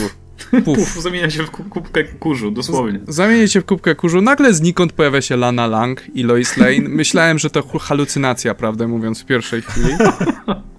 Ale, ale nie, po prostu on umarł i one tam dalej są i płaczą. Skąd się tu wzięły? Nie mam pojęcia. E, Batman na to reaguje na zasadzie eh, mech. A, i Zawsze patrzy, cię kochałem, pat... Clark, ja ciebie też, na razie. Nie, nie, nie. patrzy na tego drugiego, e, będzie drugi. No, dokładnie, tak dokładnie, patrzy na tego drugiego i a, a ty to ki, kim jesteś? A, a ten stary Superman mówi, wyjaśnię później i odlatuje. No, Batman spoko, będzie drugi, no problem. Więc szczerze mówiąc to było bardzo rozczarowujące. I takie troszeczkę w ogóle bezemocjonalne. A, jeszcze Steel się pojawił znikąd. Te, z Laną Lang, tak. bo są parą. I ten. Dzięki Superman, że mnie zainspirowałeś, pa! I, no i Superman się zmienia w dosłownie wypalonego papierosa. Tak wygląda. No. To jest tak, tak, po prostu rozczarowująco. Ja pamiętam, jak mówiliśmy o pierwszym, pierwszym zeszycie i, sobie, i, i pamiętam, co sobie myślałem, że to wow, mówię, zaczyna się jak u Morrisona, Superman wie, że umiera i chce zrobić parę rzeczy przed śmiercią, i chce uratować ludzi i nie miałem wtedy zielonego pojęcia, że to się wszystko sprowadzi po prostu do ganiania się z tym gównianym, świecącym Supermanem przez te kilka zeszytów, a na końcu Superman sobie po prostu od tak umrze, jako, wiesz, kubka pyłu. To, to było naprawdę takie odejście, jakby naprawdę nikomu w DC już na, na tym bohaterze nie zależało, no bo dobra, to teraz całe zasoby będziemy kierować na tego drugiego Supermana, więc ten niech sobie tam odejdzie jakoś, byle jak. No oczywiście wiadomo, że to też jest kwestia tego, że mieliśmy ważniejsze rzeczy w tym tygodniu, większe rzeczy powiedzmy, no ale i z drugiej strony to też nie jest ten prawdziwy Superman, którego kochali wszyscy, tylko ten młodszy. No ale to i tak, moim zdaniem, nie zasługiwał na takie odejście, które po prostu. No, jakiś e, trzecioligowy wylan na, na, na, takie odejście zasłużył. No po prostu jako kubka pyłu, na którą wszyscy patrzą z góry i okej, okay, to wracamy do swojego życia. Wolałbym, gdyby umarł tam w kosmosie. W słońcu na przykład. Jedyny, w słońcu i tak dalej i jedynym świadkiem tego był ten e, Superman z New 52. E, no ale wiem dlaczego to zrobili, żeby na żeby ci nowi, ci jakby Batman i Wonder Woman, nie, szczególnie Batman, nie mieli wątpliwości, że ten stary Superman jest dobry. Więc musieli widzieć, jak Superman. Ale ten... czemu nie mogliby mieć wątpliwości? Mogli mieć wątpliwości. No bo chcą wprowadzić status quo z New 52 po prostu z, i to od razu, co też mi się do końca nie podoba. Myślę, że troszeczkę z niektórymi rzeczami się spieszą, między innymi z Supermanem. Nie, takie strasznie mech. No. Czekam na nowego Supermana. Na którego? No, czy star starego. Starego, nowego. Starego, nowego, tak. Tego, ten, tego co będzie z Rebirth. Dobra, to przejdźmy do kolejnego finału, jaki, jaki mieliśmy okazję przeczytać. No, teraz Dark Side War. Wreszcie, o którym już rozmawialiśmy zresztą tydzień temu. Bardzo tak, dobry tak. komiks, bardzo dobry finał, aczkolwiek bardzo skompresowany. Nie odniosłeś takiego wrażenia, że... Człowieku, to, to w ogóle było jakby w zasadzie cały ten cały ten story arc skompresowany jednego zeszytu, gdzie praktycznie co no. pół strony miałeś jakiś game changer, nagle coś się pojawia. E, zresztą gadaliśmy o tym, że, że w ogóle cały ten mhm. event jest taki na zasadzie, że rzeczy nagle wyskakują. I moim zdaniem one mają sens i wynikają z fabuły i ja nie gubiłem się w tym, wiedziałem skąd co się bierze, ale z drugiej strony naprawdę ciężko było aż na tym nadążyć, gdzie nie wiem, miałeś postacie, które nagle się stają super potężne, a potem nagle tracą moc. Samo ty w ogóle z tym, z tą ciążą Superwoman, która nagle następuje, a za chwilę się już to dziecko rodzi, a za chwilę w ogóle wciąga moce wszystkich, a potem już nie wciąga, a potem staje się wielkim Darkseidem, a za chwilę już przestaje być wielkim Darkseidem, bo coś tam. I mówię, to ja nadążałem za tym, ale z drugiej strony no, tyle się tutaj działo, że to można by spokojnie obdzielić cały ran w ogóle w jakimś komiksie, a nie jeden komiks. No mówię, z jednej strony to jest, no, patrząc tak bardzo bezstronnie, starając się patrzeć bezstronnie, to jest wada tego komiksu, bo jest właśnie pisany tak bardzo za DHD, ale z drugiej strony muszę powiedzieć, że cholernie mi się to podobało. Nawet jeśli będę to traktował jako guilty pleasure, i to, to strasznie cieszę się, że Jeff Jones podszedł do tego po prostu, że na sam koniec to po prostu walnie taką historię, która, no wiesz, która po prostu będzie przypakowana wszystkim i będzie godnym po prostu takim wielkim, bombastycznym zakończeniem tego ranu. No mi się to podobało, łącznie właśnie z to zakończenie. Zakończenie było po prostu jak taka wisienka na torcie, jak taki po prostu ostatni cios, e, gdzie wszystko było do potęgi po prostu. Wszystko się działo w tym całym crossoverze, czy tam evencie, czy tym story arku na sam koniec po prostu walnęło z podwójną siłą, także ja to zdecydowanie kupuję. Ja chciałem, mi bardzo się podobają zmiany, które następują, jako gdyby Darkseid przestaje być tym wielką siłą, która siedzi na Apokalips i będzie, i po prostu czekamy, aż zacznie mordować wszystkich, bo przez New 52 przez cały czas Darkseid coś planował i po prostu sobie siedział na dupie i nic nie robił i w tej chwili Darkseid został sprowadzony do takiej roli że nie może nic robić. I to jest dużo ciekawsze. Mam nadzieję, że to będzie rozwinięte. Jestem ciekaw, jaki będzie, jak będzie rozwinięty wątek e, Mr. Miracle i Big Bardy. To jest też bardzo duży zmian, bardzo duża zmiana status quo dla tej, dwój, dla tej dwójki.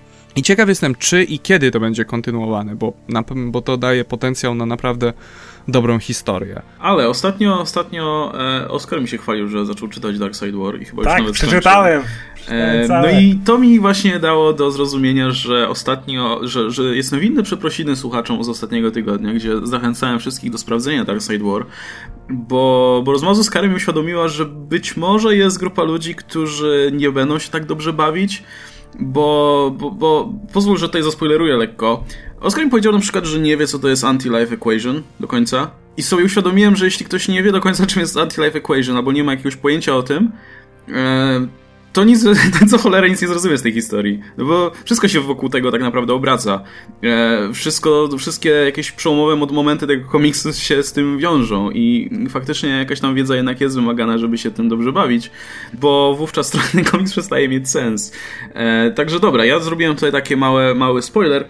Także w takim razie jakbyś mógł się podzielić swoimi wrażeniami, Oskar. Okej, okay, oskarżenie o bycie fanboyem Marvela za 3, 2, 1, ale to było fatalne. Ten event był tak z dupy, że po prostu nie mogę. I od razu mówię, nie znam świata DC, więc pewnie jest na to spory wpływ, właśnie to ma. Na pewno w Marvelu też jest cała masa eventów, które jeżeli ktoś weźmie od tego miejsca, mając jakieś tam w miarę wiadomości wcześniejsze, to też twierdzi, że to jest głupie. O, chociażby mówiłem w tamtym tygodniu o Thanos Imperative, że bez tej reszty to, to, to się nie klei. No inna sprawa, że w ogóle eventy Marvelu są takie, wiesz... Że... Natomiast dla mnie w, ten, w takim razie ten event był tak chaotyczny, tak bez sensu, tak po prostu naładowany tymi właśnie Deus Ex Machina rozwiązaniami, które kojarzą mi się z Black Vortexem w Marvelu.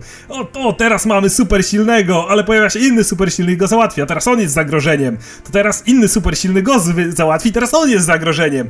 Ale teraz nagle ktoś zaczyna srać antymaterią i go zabija i teraz on jest zagrożeniem. Po prostu to dla mnie cały event wyglądał dosłownie w ten sposób. A teraz, y, nie wiem, oni dostaną moce bogów, bo tak, a teraz, a teraz niech on dostanie jeszcze więcej supermocy i teraz on będzie silny, a teraz rodzi się wielkie złe dziecko, które wchłania inne moce. Po prostu, to, to, to, takie, w każdej chwili każdy mógł, nie wiem, pierdnąć piorunem, który zabiłby wszystkich i w tym momencie już bym to kupił. Po prostu na tym etapie. To, na tym etapie nie zdziwiłoby mnie to To mi to mi się najbardziej podobało w tym komiksie, że, że tak jakby wszystko się mogło zdarzyć i to wszystko się kręciło wokół tego Anti-Life Equation. O, ale teraz Steve Trevor jest wybrańcem, ale już nie jest wybrańcem. Ale, ale nie wiem, coś jeszcze. Nie, nie, nie kupuję tego za cholerę. To jest dla mnie po prostu najbardziej ja nienawidzę takiego pisania w komiksach. Ono jest dla mnie po prostu lazy i kojarzy mi się z tymi wszystkimi motywami w Marvelu typu Black Vortex, kiedy e, event był rozwiązywany w ten sposób, że Ej, nie ma, mamy problem! Spójrz Black Vortex, dostań supermoc i rozwiąż swój problem. To jest duży problem, jest faktycznie chaotycznie napisane i nawet ciężko mi ci wyjaśnić, ale Większość tych wątków, które, o których narzekasz, były w jakiś sposób przedstawione wcześniej i one mają sens w kontekście. Na przykład, e, na przykład to dziecko, które strzelało piorunami i absorbowało moce, to jest dziecko, jest nam powiedziane, e, Aleksandra Lutora z Ziemi 3, tej ziemi, w której wszyscy mają odwrócone jak gdyby charaktery. I to jest. I on w tamtym, na tamtej ziemi jest odpowiednikiem Shazama. I różni się od Shazama tym, że potrafi jak gdyby absorbować moce wszystkich przez rzucanie w nich piorunem. Więc dziecko jego posiada dokładnie te same zdolności. I to był, to był ten wielki plot twist, że Superwoman w pewnym momencie musiała nie, kiedy, prawdopodobnie wtedy, kiedy Aleksander Luthor był w niewoli. Takie moje odczucia faktycznie wynikałyby tego, dlatego że ja mam, miałem problem, bo czytałem, e, czytałem Dark Side War jak gdyby z, z miesiąca na miesiąc i musiałem wracać się co jakiś czas od samego początku, bo zapominałem, co się działo wcześniej i natychmiast miałem takie, co, co? I, i musiałem się wracać i przypominać sobie. E, więc kompletnie kupuję ten argument, że to jest, to jest chaotyczne i to może być mylące dla kogoś, kto pierwszy raz sięga po komiks tego typu, szczególnie, że nie tłumaczą wielu rzeczy. E, antymateria to jest coś, co w komiksach DC pełni ważną rolę, tak samo jak Anti-Life Equation od lat 70. czy coś.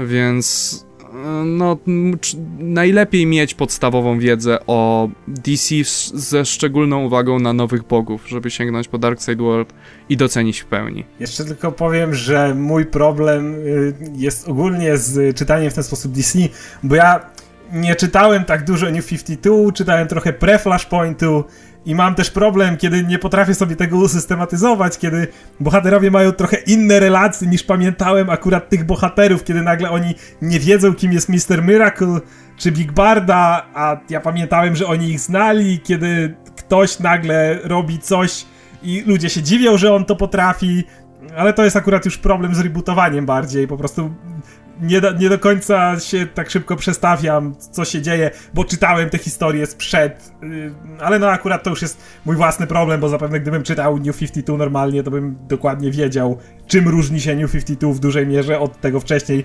jak różnią się relacje między bohaterami. No ale mówię, dla mnie ten event był chaotyczny, niezrozumiały i pełen po prostu wyciągania z kapelusza supermocy, które rozwiązują każdy problem. Ja to tak widziałem. Kurde, byłoby fajnie, jakby TC na przykład wzięło i zaorało ten New 52 i wróciło do starego continuity, nie? Ach, no. Mogło tak by być. Ładnie jest przejście z Dark Side War do Rebirth. Można skończyć finał Dark Side War i natychmiast przejść do DC Rebirth number one, czyli pie number one, kurwa, jaki... Pierwszego z... To zostanie. Ale jak mam powiedzieć? Hashtag jeden?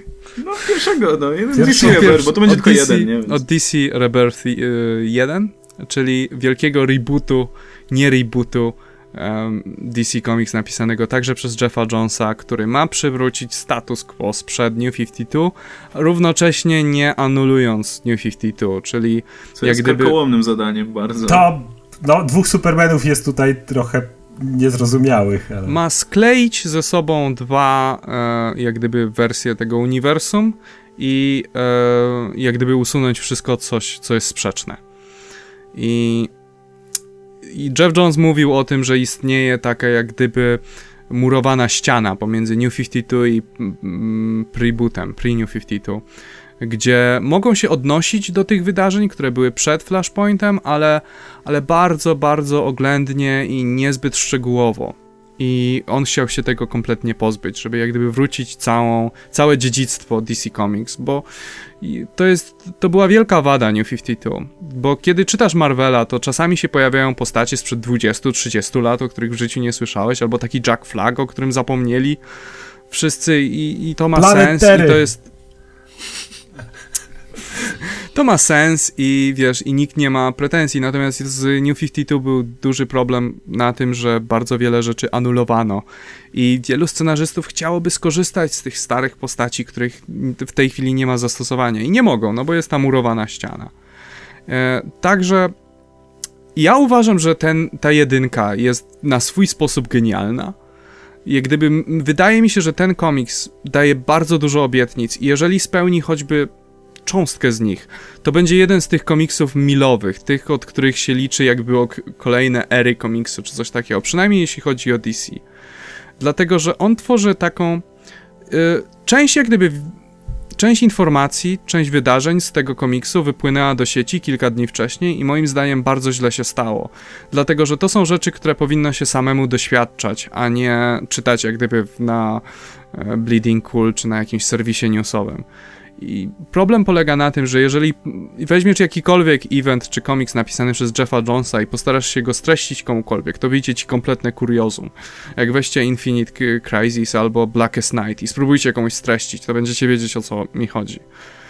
E, ten komiks żegna się z mroczną erą komiksu. Ona już od dłuższego czasu umierała Właściwie była martwa już dłuższy czas, ale to jest jakby ostateczne pożegnanie, gdzie mówi się o Watchmen, że Watchmen jest tym komiksem, który rozpoczął mroczną erę komiksu, rozpoczął bardziej dorosłe, bardziej e, dojrzałe być może, ale przede wszystkim bardziej dorosłe, bardziej mroczne podejście do komiksu.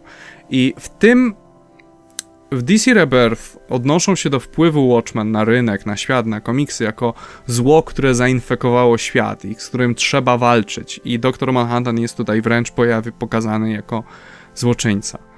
E, oczywiście, jeśli chodzi o samą historię opowiedzianą, to jej nie ma.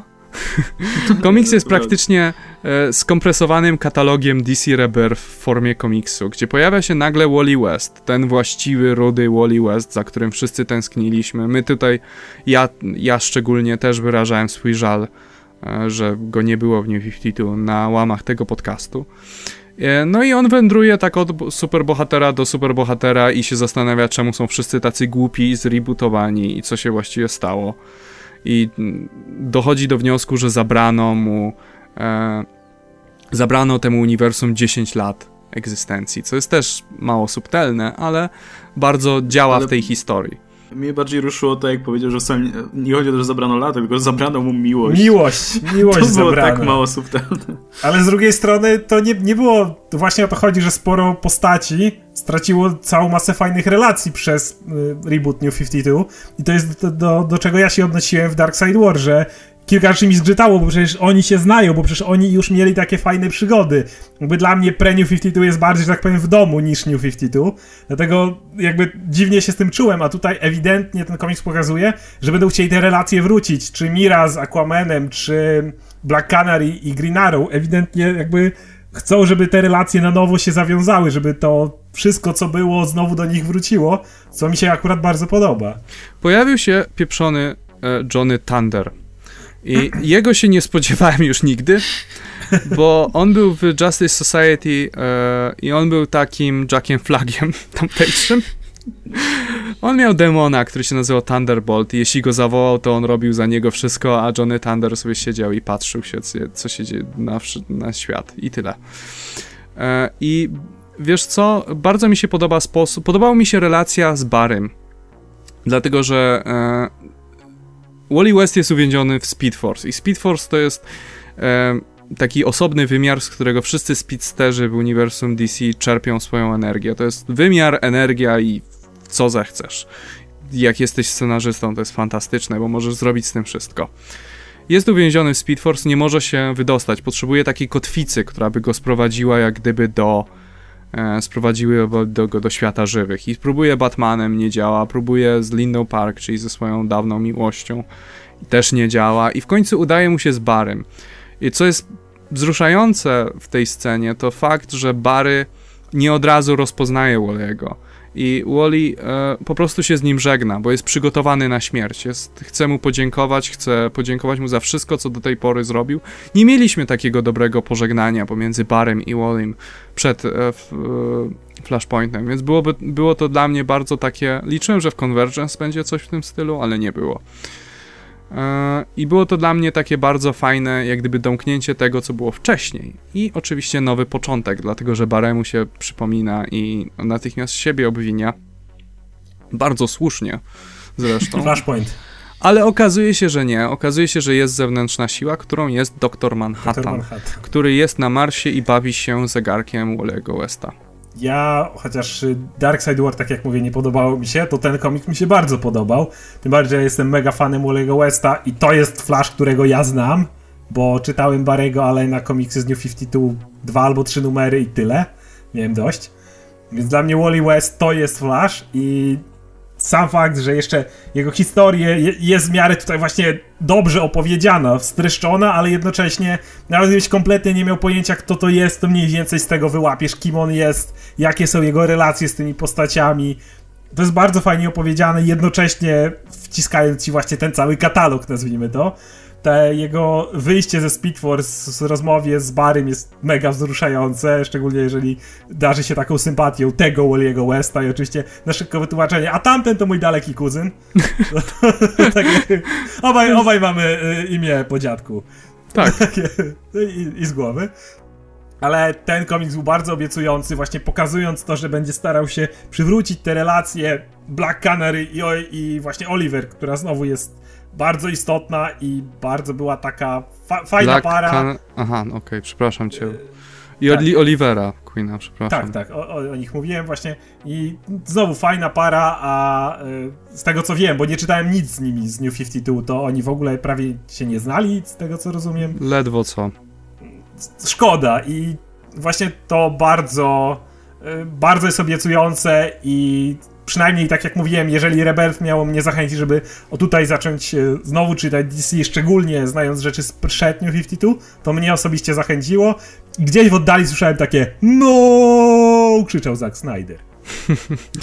Wiesz co, e, Oliver Queen szczególnie został pokrzywdzony przez New 52, dlatego że starali się to strasznie powiązać z serialem i jak gdyby zabrali takie podstawowe y, elementy tego bohatera, jak gdyby Oliver Queen z, z przed New 52 był zupełnie inną postacią, był dużo starszy, e, był w inny sposób nieodpowiedzialny.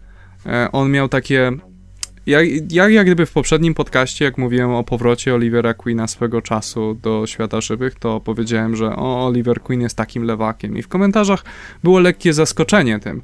No, z tego co wiem, ta nowa seria z New 52 jak gdyby dobrze tego nie oddaje, serial zresztą tak samo, podczas gdy kiedyś to był jakby taki podstawowy, najważniejszy, najważniejsza cecha tej, tego bohatera. Okej, okay, to dobra, to może jeszcze ja powiem. Mi się również podobało. Sama lektura była naprawdę przyjemna, natomiast no to nie był komiks jako taki, faktycznie nie było żadnej fabuły, ale jako taki właśnie katalog i zajawka tego, co będzie, to, to myślę, że było bardzo obiecujące. E, no i jestem strasznie, oczywiście mnie zaskoczyło, znaczy może no nie zaskoczyło mnie, bo oczywiście były przecieki, ale i tak wciąż był efekt wow, jak się właśnie okazało, jak wyszły na jaw te powiązania z Watchmen na koniec, takie, zresztą całkiem subtelne, szczególnie ten motyw właśnie z tym zegarkiem.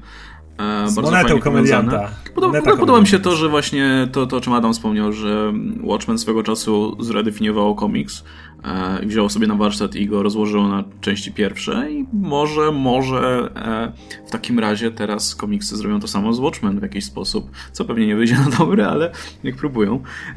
No i dostaliśmy przecież tą wielką, znaczy nie chcę już tutaj powtarzać po was, mniej więcej to, takie same mam odczucia, strasznie cieszę, że wracają te, te postacie z dłuższą historią, że te relacje będą wracane, super ogólnie. Natomiast my dostaliśmy jeszcze tą rewelację mm, z trzema Jokerami, a co przyznam szczerze trochę mnie właśnie zdziwiło, bo nie tego się spodziewałem, szczerze mówiąc, spodziewałem się po prostu ujawnienia czegoś tam, a tu nagle dostajemy rewelację, że jest trzech Jokerów w uniwersum. E, I to jak rozumiem, nie chodzi o to, że jest ich trzech w różnych wymiarach czy coś w tym stylu, tylko że jest ich po prostu trzech. I mieliśmy zdaje się tą grafikę, gdzie był ten Joker z New 52, był ten Joker z Killing Joke'a i był ten Joker taki klasyczny, powiedzmy. Golden Age. Z Golden Age, no ten taki o, najbardziej creepy z nich wszystkich prawdopodobnie. Um, no i to mnie najbardziej interesuje tak naprawdę, jak pociągną ten wątek. Czy to będzie w Batmanie, czy to będzie w jakimś Justice League ciągnięte, czy gdzieś. Um, to jest głupie, ale strasznie mnie, strasznie mnie to teraz fascynuje, co, co oni zamierzają z tym zrobić. No i co dalej z, Watchmen w te, takim razie, bo myślałem, że to się ograniczy do jakiejś tam zajawki i tylko tego motywu z Manhattanem, który tam zabił Pandorę, też subtelne swoją drogą bardzo, e, a potem, potem się bawi tym zegarkiem. No ale potem mamy tego Batmana, który tam patrzy na ten swój e, list od swojego ojca z Flashpointu, a potem znajduje tą przypinkę komedianta z Watchmen i to też rozumiem, w takim razie będzie w jakiś sposób kontynuowane być może. Niektórzy jeszcze... spekulowali, że komediant jest jednym z trzech Jokerów. Co by było dziwne. To było nie, bardzo to było bez sensu. Ten... Ale jeszcze w tych słowach na niebiesko, e, które chyba wypowiada doktor Manhattan, w tym na narracji, on się zwraca do Ozymandiasa jeszcze. Adrian używa tego imienia, to jest imię Ozymandiasza. Tak. Więc jak, jakby nie patrzeć, więcej Watchmenów jakby w to, w to zawiązują. Czy to nie jest ten y, dialog, który on ma z Ozymandiasem pod koniec Watchmen? Kiedy mówi o kreowaniu nowego życia i że nic nie jest bez sensu, bo nie jestem w tej chwili pewien, a musiałbym po dwa komiksy. Też nie, nie, jestem pewien, ale wydaje mi się, że skoro padło jego imię, to Ozymandias, w końcu, który nie zginął na końcu Watchmen, też może się Na pewno pojawić. to jest nawiązanie do tej, do tej e, rozmowy. Nie jestem pewien, czy to jest dokładny cytat. Mi podobała się natomiast śmierć Pandory, którą tutaj Łukasz troszeczkę skrytykował, dlatego że Pandora. Spodziewałem się, że to będzie takie haha, fuck you, New 52. Natomiast e, było troszeczkę bardziej subtelne niż to. Nie bardzo, ale troszeczkę. Gdzie pokazana jest Pandora jako po prostu pionek doktora Manhattana. Została użyta, jej użyteczność się skończyła, więc ją zabił. Tak samo I... jak, e, jak Roszaka, nie? Ta śmierć jest dokładnie tak, tak, samo pokazana, jak Roszak, po prostu eksploduje w pewnym miejscu. Od razu mi się skojarzyło z tym, jak doktor Manhattan zabił Roszaka. Co w ogóle myślicie o tym, o, o tym E, włączeniu powiedzmy bohaterów e, tutaj e, Watchmen do, do szerszego uniwersum DC. Myślicie, że z tego wyjdą jakieś takie oczywiste crossovery, czy raczej będą starać się ich trzymać trochę ponad tym, co się będzie działo w samym uniwersum? Będą ich trzymać z pewnym dystansem, ale będą crossovery.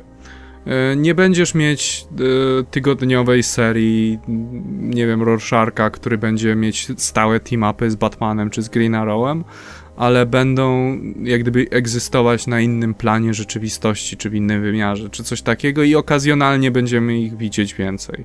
Tyle, tyle to widzę, jeśli chodzi o połączenie z Watchmen. Troszeczkę ten komiks jest zbyt czczony, te postacie y, są w pełni kompatybilne na to, żeby istnieć w łączonym uniwersum, czy multiversum, czy wieloświecie. I nie widzę żadnego powodu. DC ma prawa do tych postaci, więc czemu ma z nich nie korzystać? Oczywiście jest ten argument, że Alano, Alanowi Murowi będzie przykro, ale walić Alana Mura. Alan On już dawno teraz nie pracuje nad- Jezusem, więc... E, ja uważam nawet, że to jest na pewien sposób genialne. Doktor Manhattan w ostatnich słowach powiedział, że stworzy nowe życie prawdopodobnie. Wrzucić go do gościa, który jest odpowiedzialny za jakieś kreacje w DC Universe, uważam za genialne w pewien sposób. Mi się, jak to przeczytałem, takie, o kurde, no fajnie, to naprawdę fajny pomysł. Jak reszta Watchmen ma się w to zawiązać, nie wiem, nie myślałem o tym. Zobaczymy, natomiast idea tego boga, doktora Manhattana, który kreuje i bawi się swoim własnym życiem, absolutnie uważam za rewelacyjną, przynajmniej na papierze, póki co. Bo oczywiście zawsze można to spieprzyć. Mi się jest strasznie właśnie podoba ten pomysł, ja tylko krótko. Mi się strasznie podoba właśnie pomysł z samym Manhattanem, biorąc pod uwagę, że, że to, no, to jest, ma sens, że on po prostu na, powiedzmy, po tym, co się działo w Watchmen, się gdzieś udał, gdzieś na wyższy plan egzystencji zaczął tworzyć sobie życie. Natomiast nie jestem trochę przekonany co do innych postaci w tym uniwersum. No, myślę, że, że wolałbym się nacieszyć po prostu postaciami z DC póki co i nie widzę za bardzo powodu, żeby łączyć do tego właśnie postacie z Watchmen. Ale mówię, to, to, też nie będę rwał szat na pewno, to swoją drogą. Ja myślę, że to będzie wątek nierozwiązany przez dłuższy czas, że na razie to będzie taki tease i właściwy event, który będzie włączać Watchmenów do tego uniwersum, będzie, nie wiem, za rok czy coś w tym stylu. E, A do tego czasu będziemy mieć tylko takie drobne zaznaczenia obecności Watchmen w uniwersum DC, że wciąż zegar tyka przez całe uniwersum DC.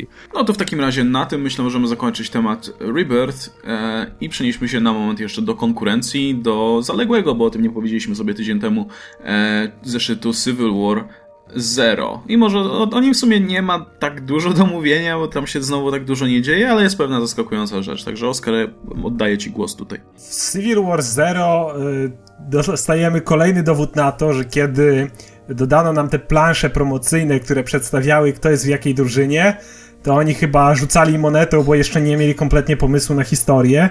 I było na zasadzie, ej, słuchajcie, film idzie, musimy szybko jakoś wypromować, że w komiksach też będzie. I po prostu wzi- wzięli kupę postaci, podrzucili do góry i gdzie spadły, to tam wylądowały.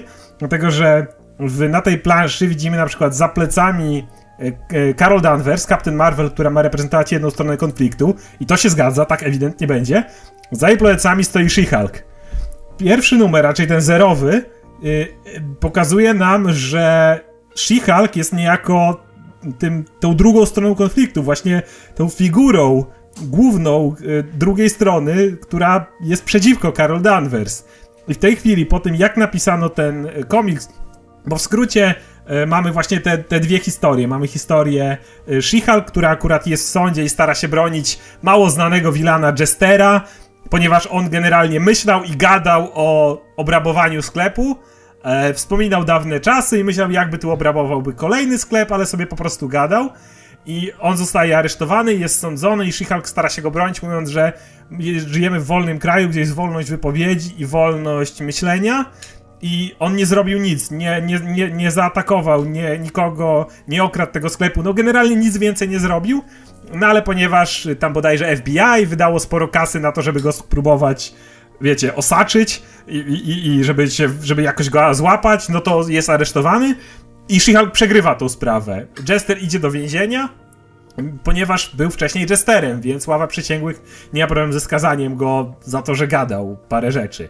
A co gorsza, później on w więzieniu e, ginie, jest za, zabity, więc no She-Hulk jest po prostu zdewastowana w pewien sposób. Kiedy się o tym od Marii Hill później dowiaduje, że gość zginął za to, że sobie coś pomyślał. No, bardziej jasnego stanowiska anty tego, co ma się dziać w Civil War, czyli działaniu, jak w raporcie mniejszości, y, zatrzymywaniu przestępstwa zanim się wydarzy, nie da się określić, więc ewidentnie postawili na tu na figurę She-Hulk, co, no mówię, jest kompletnie kłóci się z tą grafiką. I z drugiej strony mamy historię Carol Danvers, która jest trochę mniej sensowna, bo ta część o She-Hulk mi się naprawdę podobała. Natomiast Carol Danvers jest ona zmęczona, niedawno widziała czas i ogólnie jest jej ciężko z tym, że że złe rzeczy ciągle nadchodzą i może by się dało je zatrzymywać zanim by nadeszły. To nie ma większego sensu tak naprawdę. Tak jak od początku mówiliśmy, ten event źle wygląda i przemowa, cała sprawa w sądzie, She-Hulk jest rewelacyjnie napisana uważam, ale ta strona z Carol Danvers, no wiecie, ciężko nam, no to może byśmy mogli jakoś wcześniej działać. I jeszcze rozmawia z Dokiem Samsonem, który jeszcze parę numerów temu Deadpool odkopywał jego trumnę, y, ale najwidoczniej stwierdzili, a niech ożyje, w sumie już kogo to obchodzi. On się chyba nawet odnosi do tego i mówi, czy nie byłeś martwy? On mówi, nie. Nie byłeś martwy? A byłem, już mi lepiej. Takie tam. Najbardziej casualowy powrót do życia w historii. No ja mam właśnie podobne odczucie. Ta część She-Hulk była ok. No, nic tam mega, wiesz, poruszającego, ale no, był jakiś problem zarysowany i zresztą ja strasznie lubię oglądać She-Hulk w sądzie, więc no właśnie, to, było, właśnie. to było całkiem fajne. No a ta część z Karol była żenująca. No, to było na zasadzie, no ale mam chujowe życie tutaj w tym Mapa Flight i ogólnie jest nędznie, także fajnie było, jakby można było rozwiązywać problemy zanim się pojawią. I to jest cała jej motywacja. Dokładnie. I jeszcze mamy mały wątek z tym, że prezydent Stanów Zjednoczonych chce, żeby, chce, żeby sekretarzem obrony był... A tak, Rowdy był. Rowdy, żeby, potem Rowdy, żeby potem Rowdy został prezydentem. no więc wiem, że Rowdy umrze prawdopodobnie, więc... Możliwe. Ten wątek w ogóle wyszedł znikąd i na razie nic w ogóle, tak, to jest do zapomnienia. A konflikt, tak jak mówiliśmy, z jednej strony, jedna strona ma silne argumenty, druga nie ma żadnych, więc... To tyle właściwie o Civil War 2. Adam, czytałeś to w ogóle? Nie, nie czytałem. Nie czytałeś, okej, okay, no to już wiesz wszystko w zasadzie, co powinieneś wiedzieć. No i dobra, i była jedna jeszcze jedynka w zeszłym tygodniu, znaczy w tym tygodniu w zasadzie, e, z Marvela, czyli Nighthawk, czyli w skrócie, jeśli nie wiecie kim jest Nighthawk, to on pochodzi z um, takiego komiksu, który się nazywał Supreme Power e, i to była jedna z wielu inkarnacji Squadron Supreme. To było co. I oni mieli crossovery z Ultimate Universe, a ostatnio zostali zamordowani przez Kabal w New Avengers. Na jednym kadrze sobie leżą wszyscy martwi, więc jak ktoś, ktoś był fanem, to sorry. E, no, no i wiadomo, Squadron Supreme w nowym uniwersum Marvela to są członkowie wzięci z właśnie z różnych inkarnacji tego Squadron Supreme. No i tak się składa, że Nighthawk jest właśnie, czyli Kyle Richmond, zostaje wzięty właśnie z tego uniwersum. I to jest mniej więcej Ben Affleck z Batman v Superman. Dosłownie, po prostu ta sama, ta sama postać. Czyli gość, który no, ma całkiem dobre motywacje, ale środki takie na zasadzie, że no, do, po prostu po trupach do celu. Eee, no i dobra, co uważacie o tym komiksie? Ja nie przeczytałem go w całości, przyznam się od razu bez bicia. Zacząłem e, go czytać jak gdyby bezpośrednio przed podcastem i nie skończyłem. E, podoba mi się, jak gdyby lubię taką, lubię tak przedstawionego Batmana, jeśli to nie jest Batman, kiedy to jest wariacja na ten temat, a nie jest to Bruce Wayne, dlatego że to jest no to jest wtedy taki jakby gwałt na tej postaci troszeczkę. E, natomiast w tej wersji e, podoba mi się e, determinacja i podoba mi się ta potrzeba działania, gdzie jak gdyby widzimy tą scenę, kiedy policja bada miejsce zbrodni i więcej czasu spędza na wymyślaniu imienia dla mordercy niż na właściwym szukaniu wskazówek. I Nighthawk to widzi i jest tym bardzo zły, co jest też dla mnie trochę goofy, ale Nighthawk ma swoją y, wielką sowę z kamerami na drzewie, z demonicznymi oczami. I ci detektywi patrzą na tą sowę i nie, nie widzą jej. Sowa. Sowa z daleka. No. Sowa se siedzi. To z świecącymi demonicznymi oczami. Tak. Dla mnie ten komiks był kompletnie mech. Chodzi o to, że porównując Hyperion jest... No Hyperion jest bardziej oryginalny Chodzi mi o to, że Hyperion jest jakby właśnie takim bezpośrednią adaptacją Supermana, której w Marvelu jeszcze nie było. On jest tak naprawdę mocno wzięty z Supermana i czujesz to. Kiedy Batmanów, Nighthawków generalnie była już cała masa, już to widziałem. Daredevil jest poniekąd Batmanem, Moon Knight jest poniekąd Batmanem, nawet w mm, Disney masz Midnightera i pewnie jeszcze bym wymienił przynajmniej paru post parę postaci działających, dział działających podobnie. Dla mnie to nic, nic nowego, wpada gość, ale tak, skojarzyło mi się z Affleckiem, kiedy gość najpierw połamał wszystkim kości, a potem ich wysadził, tak jak Affleck, który potrącił ten samochód, który się wywalił, ale potem jeszcze przeciągnął go po chamsku, żeby dobić tych gości w środku. Ale komiks był bardzo mech i jakoś mnie mało interesuje dalszy ciąg. Mi się podobało też takim umiarkowanym stopniu. Ogólnie, pod, szczerze powiedziawszy, na razie mi się te serie solowe podobają bardziej niż sam Squadron Supreme. Um, jakoś mnie ta seria ogólnie nie wciąga za bardzo, ale myślę, że właśnie jako wariację Batmana będę sobie czytał dalej. Um, no i podoba mi się oprawa wizualna, bo strasznie lubię Ramana Villalobosa i jego ten styl rysowania, gdzie wszystko jest cholernie brzydkie i cholernie szczegółowe jednocześnie. No i tyle w zasadzie, chociaż tutaj przywołać tego właśnie e, Hyperiona i Hyperionowi też się pojawił ostatnio trzeci zeszyt i był też bardzo fajny i w ogóle właśnie Super. strasznie, to, to jest to, co myślałem, że powiesz, ale nie powiedziałeś, że gdy porównasz te dwie serie, to Hyperion jest bardzo oryginalny, bo on w jakiś sposób łączy właśnie superhero, łączy to, że to, to jest na dobrą sprawę Superman z takim horrorem trochę, no bo mamy te dziwne postacie i one są, ma, poznajemy dopiero powoli ich pochodzenie to, no i jednocześnie to jest historia drogi, no bo ten Hyperion sobie wędruje przez Stany, przynajmniej wędrował, no, gdzie tutaj mamy po prostu Batmana i już, y, który się wkurza, że mu, że, że jego, że, no, że miasto nie działa tak, jak powinno działać i tak dalej. Także, no, taki, który była już masa. Troszkę ja... jestem właśnie tym zawiedziony, że nie poszli w coś bardziej oryginalnego, ale no to dopiero pierwszy Ja bym nawet nie porównywał tego do Hyperiona, bo to by było wręcz nieuczciwe dla Nighthawka, bo Hyperion stoi na tak dużo wyższym poziomie. E, Nighthawka można przeczytać albo nie, podczas gdy Hyperion jest świetny. Jest naprawdę wielkim, dla mnie był wielkim zaskoczeniem, że ten komiks mi się tak bardzo spodoba. Dlatego jeżeli wahacie się pomiędzy tymi dwoma, to sięgnijcie najpierw po Hyperiona. Jeśli ktoś natomiast polubi tego Nighthawka, to akurat w ostatnim e, Squadron Supreme było troszkę więcej tej postaci i myślę, że chyba w sumie był ciekawszy w tym Squadron Supreme niż tak, w komiksie. jeszcze póki jesteśmy przy Nighthawku i Hyperionie, to chciałem wspomnieć o dwóch rzeczach. Po pierwsze, Squadron Supreme poświęcono dwie strony dla Hyperiona, które nie miały nic wspólnego kompletnie z resztą historii, ale były tak urocze.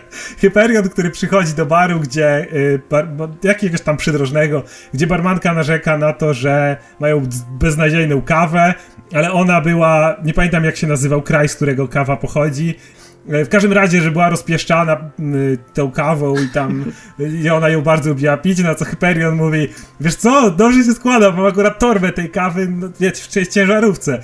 Wrócę za minutkę, po czym pokazane, że on wychodzi, przebiera się w swoje ciuszki, leci do tego kraju, z którego pochodzi ta kawa, bierze ją, przylatuje i, da, i, i, i dwie minuty później, wiesz, piją sobie kawę, no mu od razu lepiej. Tyle, nic więcej. To było tyle, nie miało to nic wspólnego z resztą historii, ale to dalej pokazuje, jak urocza jest historia Hyperiona.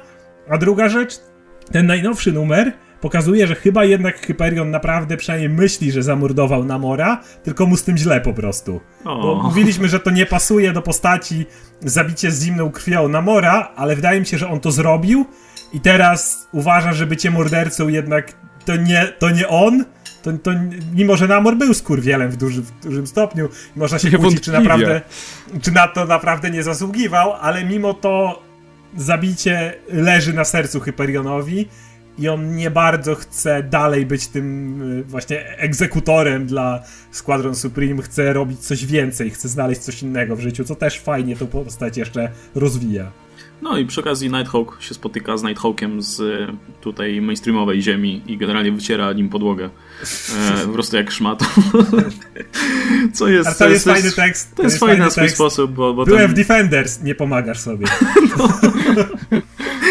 no, ale to, to jest urocze też na swój sposób, bo ten Nighthawk z 616 jest, no... To nie jest Batman. To nie jest Batman. Nie chcę go obrażać, bo może ma jakichś fanów, ale no to nie, to jest... nie jest Batman. to nie jest Batman zdecydowanie. Okej, okay, czyli to będzie wszystko w zasadzie z tych takich najważniejszych rzeczy. Um, czekamy w takim razie na kolejne te one-shoty Rebirth do każdej serii i o tym na pewno będziemy mówić. Czekamy co tam dalej w Civil War 2, na którą strasznie czekamy. Jaram się strasznie. E, no i będziemy obserwować, co będzie się działo w DC dalej, oczywiście. A przy okazji Afterlife wywarci, dziewiąty zeszyt już jest, e, więc sprawdźcie koniecznie, bo jest super, naprawdę. Jest lepszy niż to wszystko, co tutaj jest z Marvelu i DC, mówię poważnie. E, a kolejny zeszyt już we wrześniu, więc tylko parę miesięcy czekania, jej! Uwielbiam Marci za to. Dobra, także to chyba będzie na tyle. W takim razie żegnamy się i widzimy się w przyszłym tygodniu. Był ze mną jak co tydzień Adam Antolski, Akon Mruwa. Hej wszystkim. I Oskar Rogowski, komiksomaniak 616. Ja mam mówić to 616, czy mam nie mówić 616? Nie, nie mów 616. Czyli komiksomaniak. To, w ogóle to zostawię, żeby kolejność. wszyscy widzieli. Taki wiesz, rebrand, rebranding będzie. Pomyliłeś kolejność. Status quo po naszym reboocie jest taki, że najpierw przedstawiasz Oscara pierwszego. Tak, ale ja chciałem, żeby było, żeby była równość i, odwro- i a, wiesz, okay, na początku to... było w jeden sposób, a potem w drugi sposób. Okej, okay, dobra. Okay, Teraz to, to, to, czuję się... reboot. To jest all new po prostu. Nowa, te nowe serie. Dbamy o różnorodność teraz w naszej nowej serii po prostu. Dobra, to jeszcze raz powiedz. Nie, myślę, że, myślę, że, to, myślę, że jest okej. Okay. Dobra, Josko Rogowski, komiksowanie. Cześć wam. Dobra, do zobaczenia. Powiedziałem, czekaj, jeszcze raz powiem. Cześć wam. Cześć wam. No to do zobaczenia za tydzień.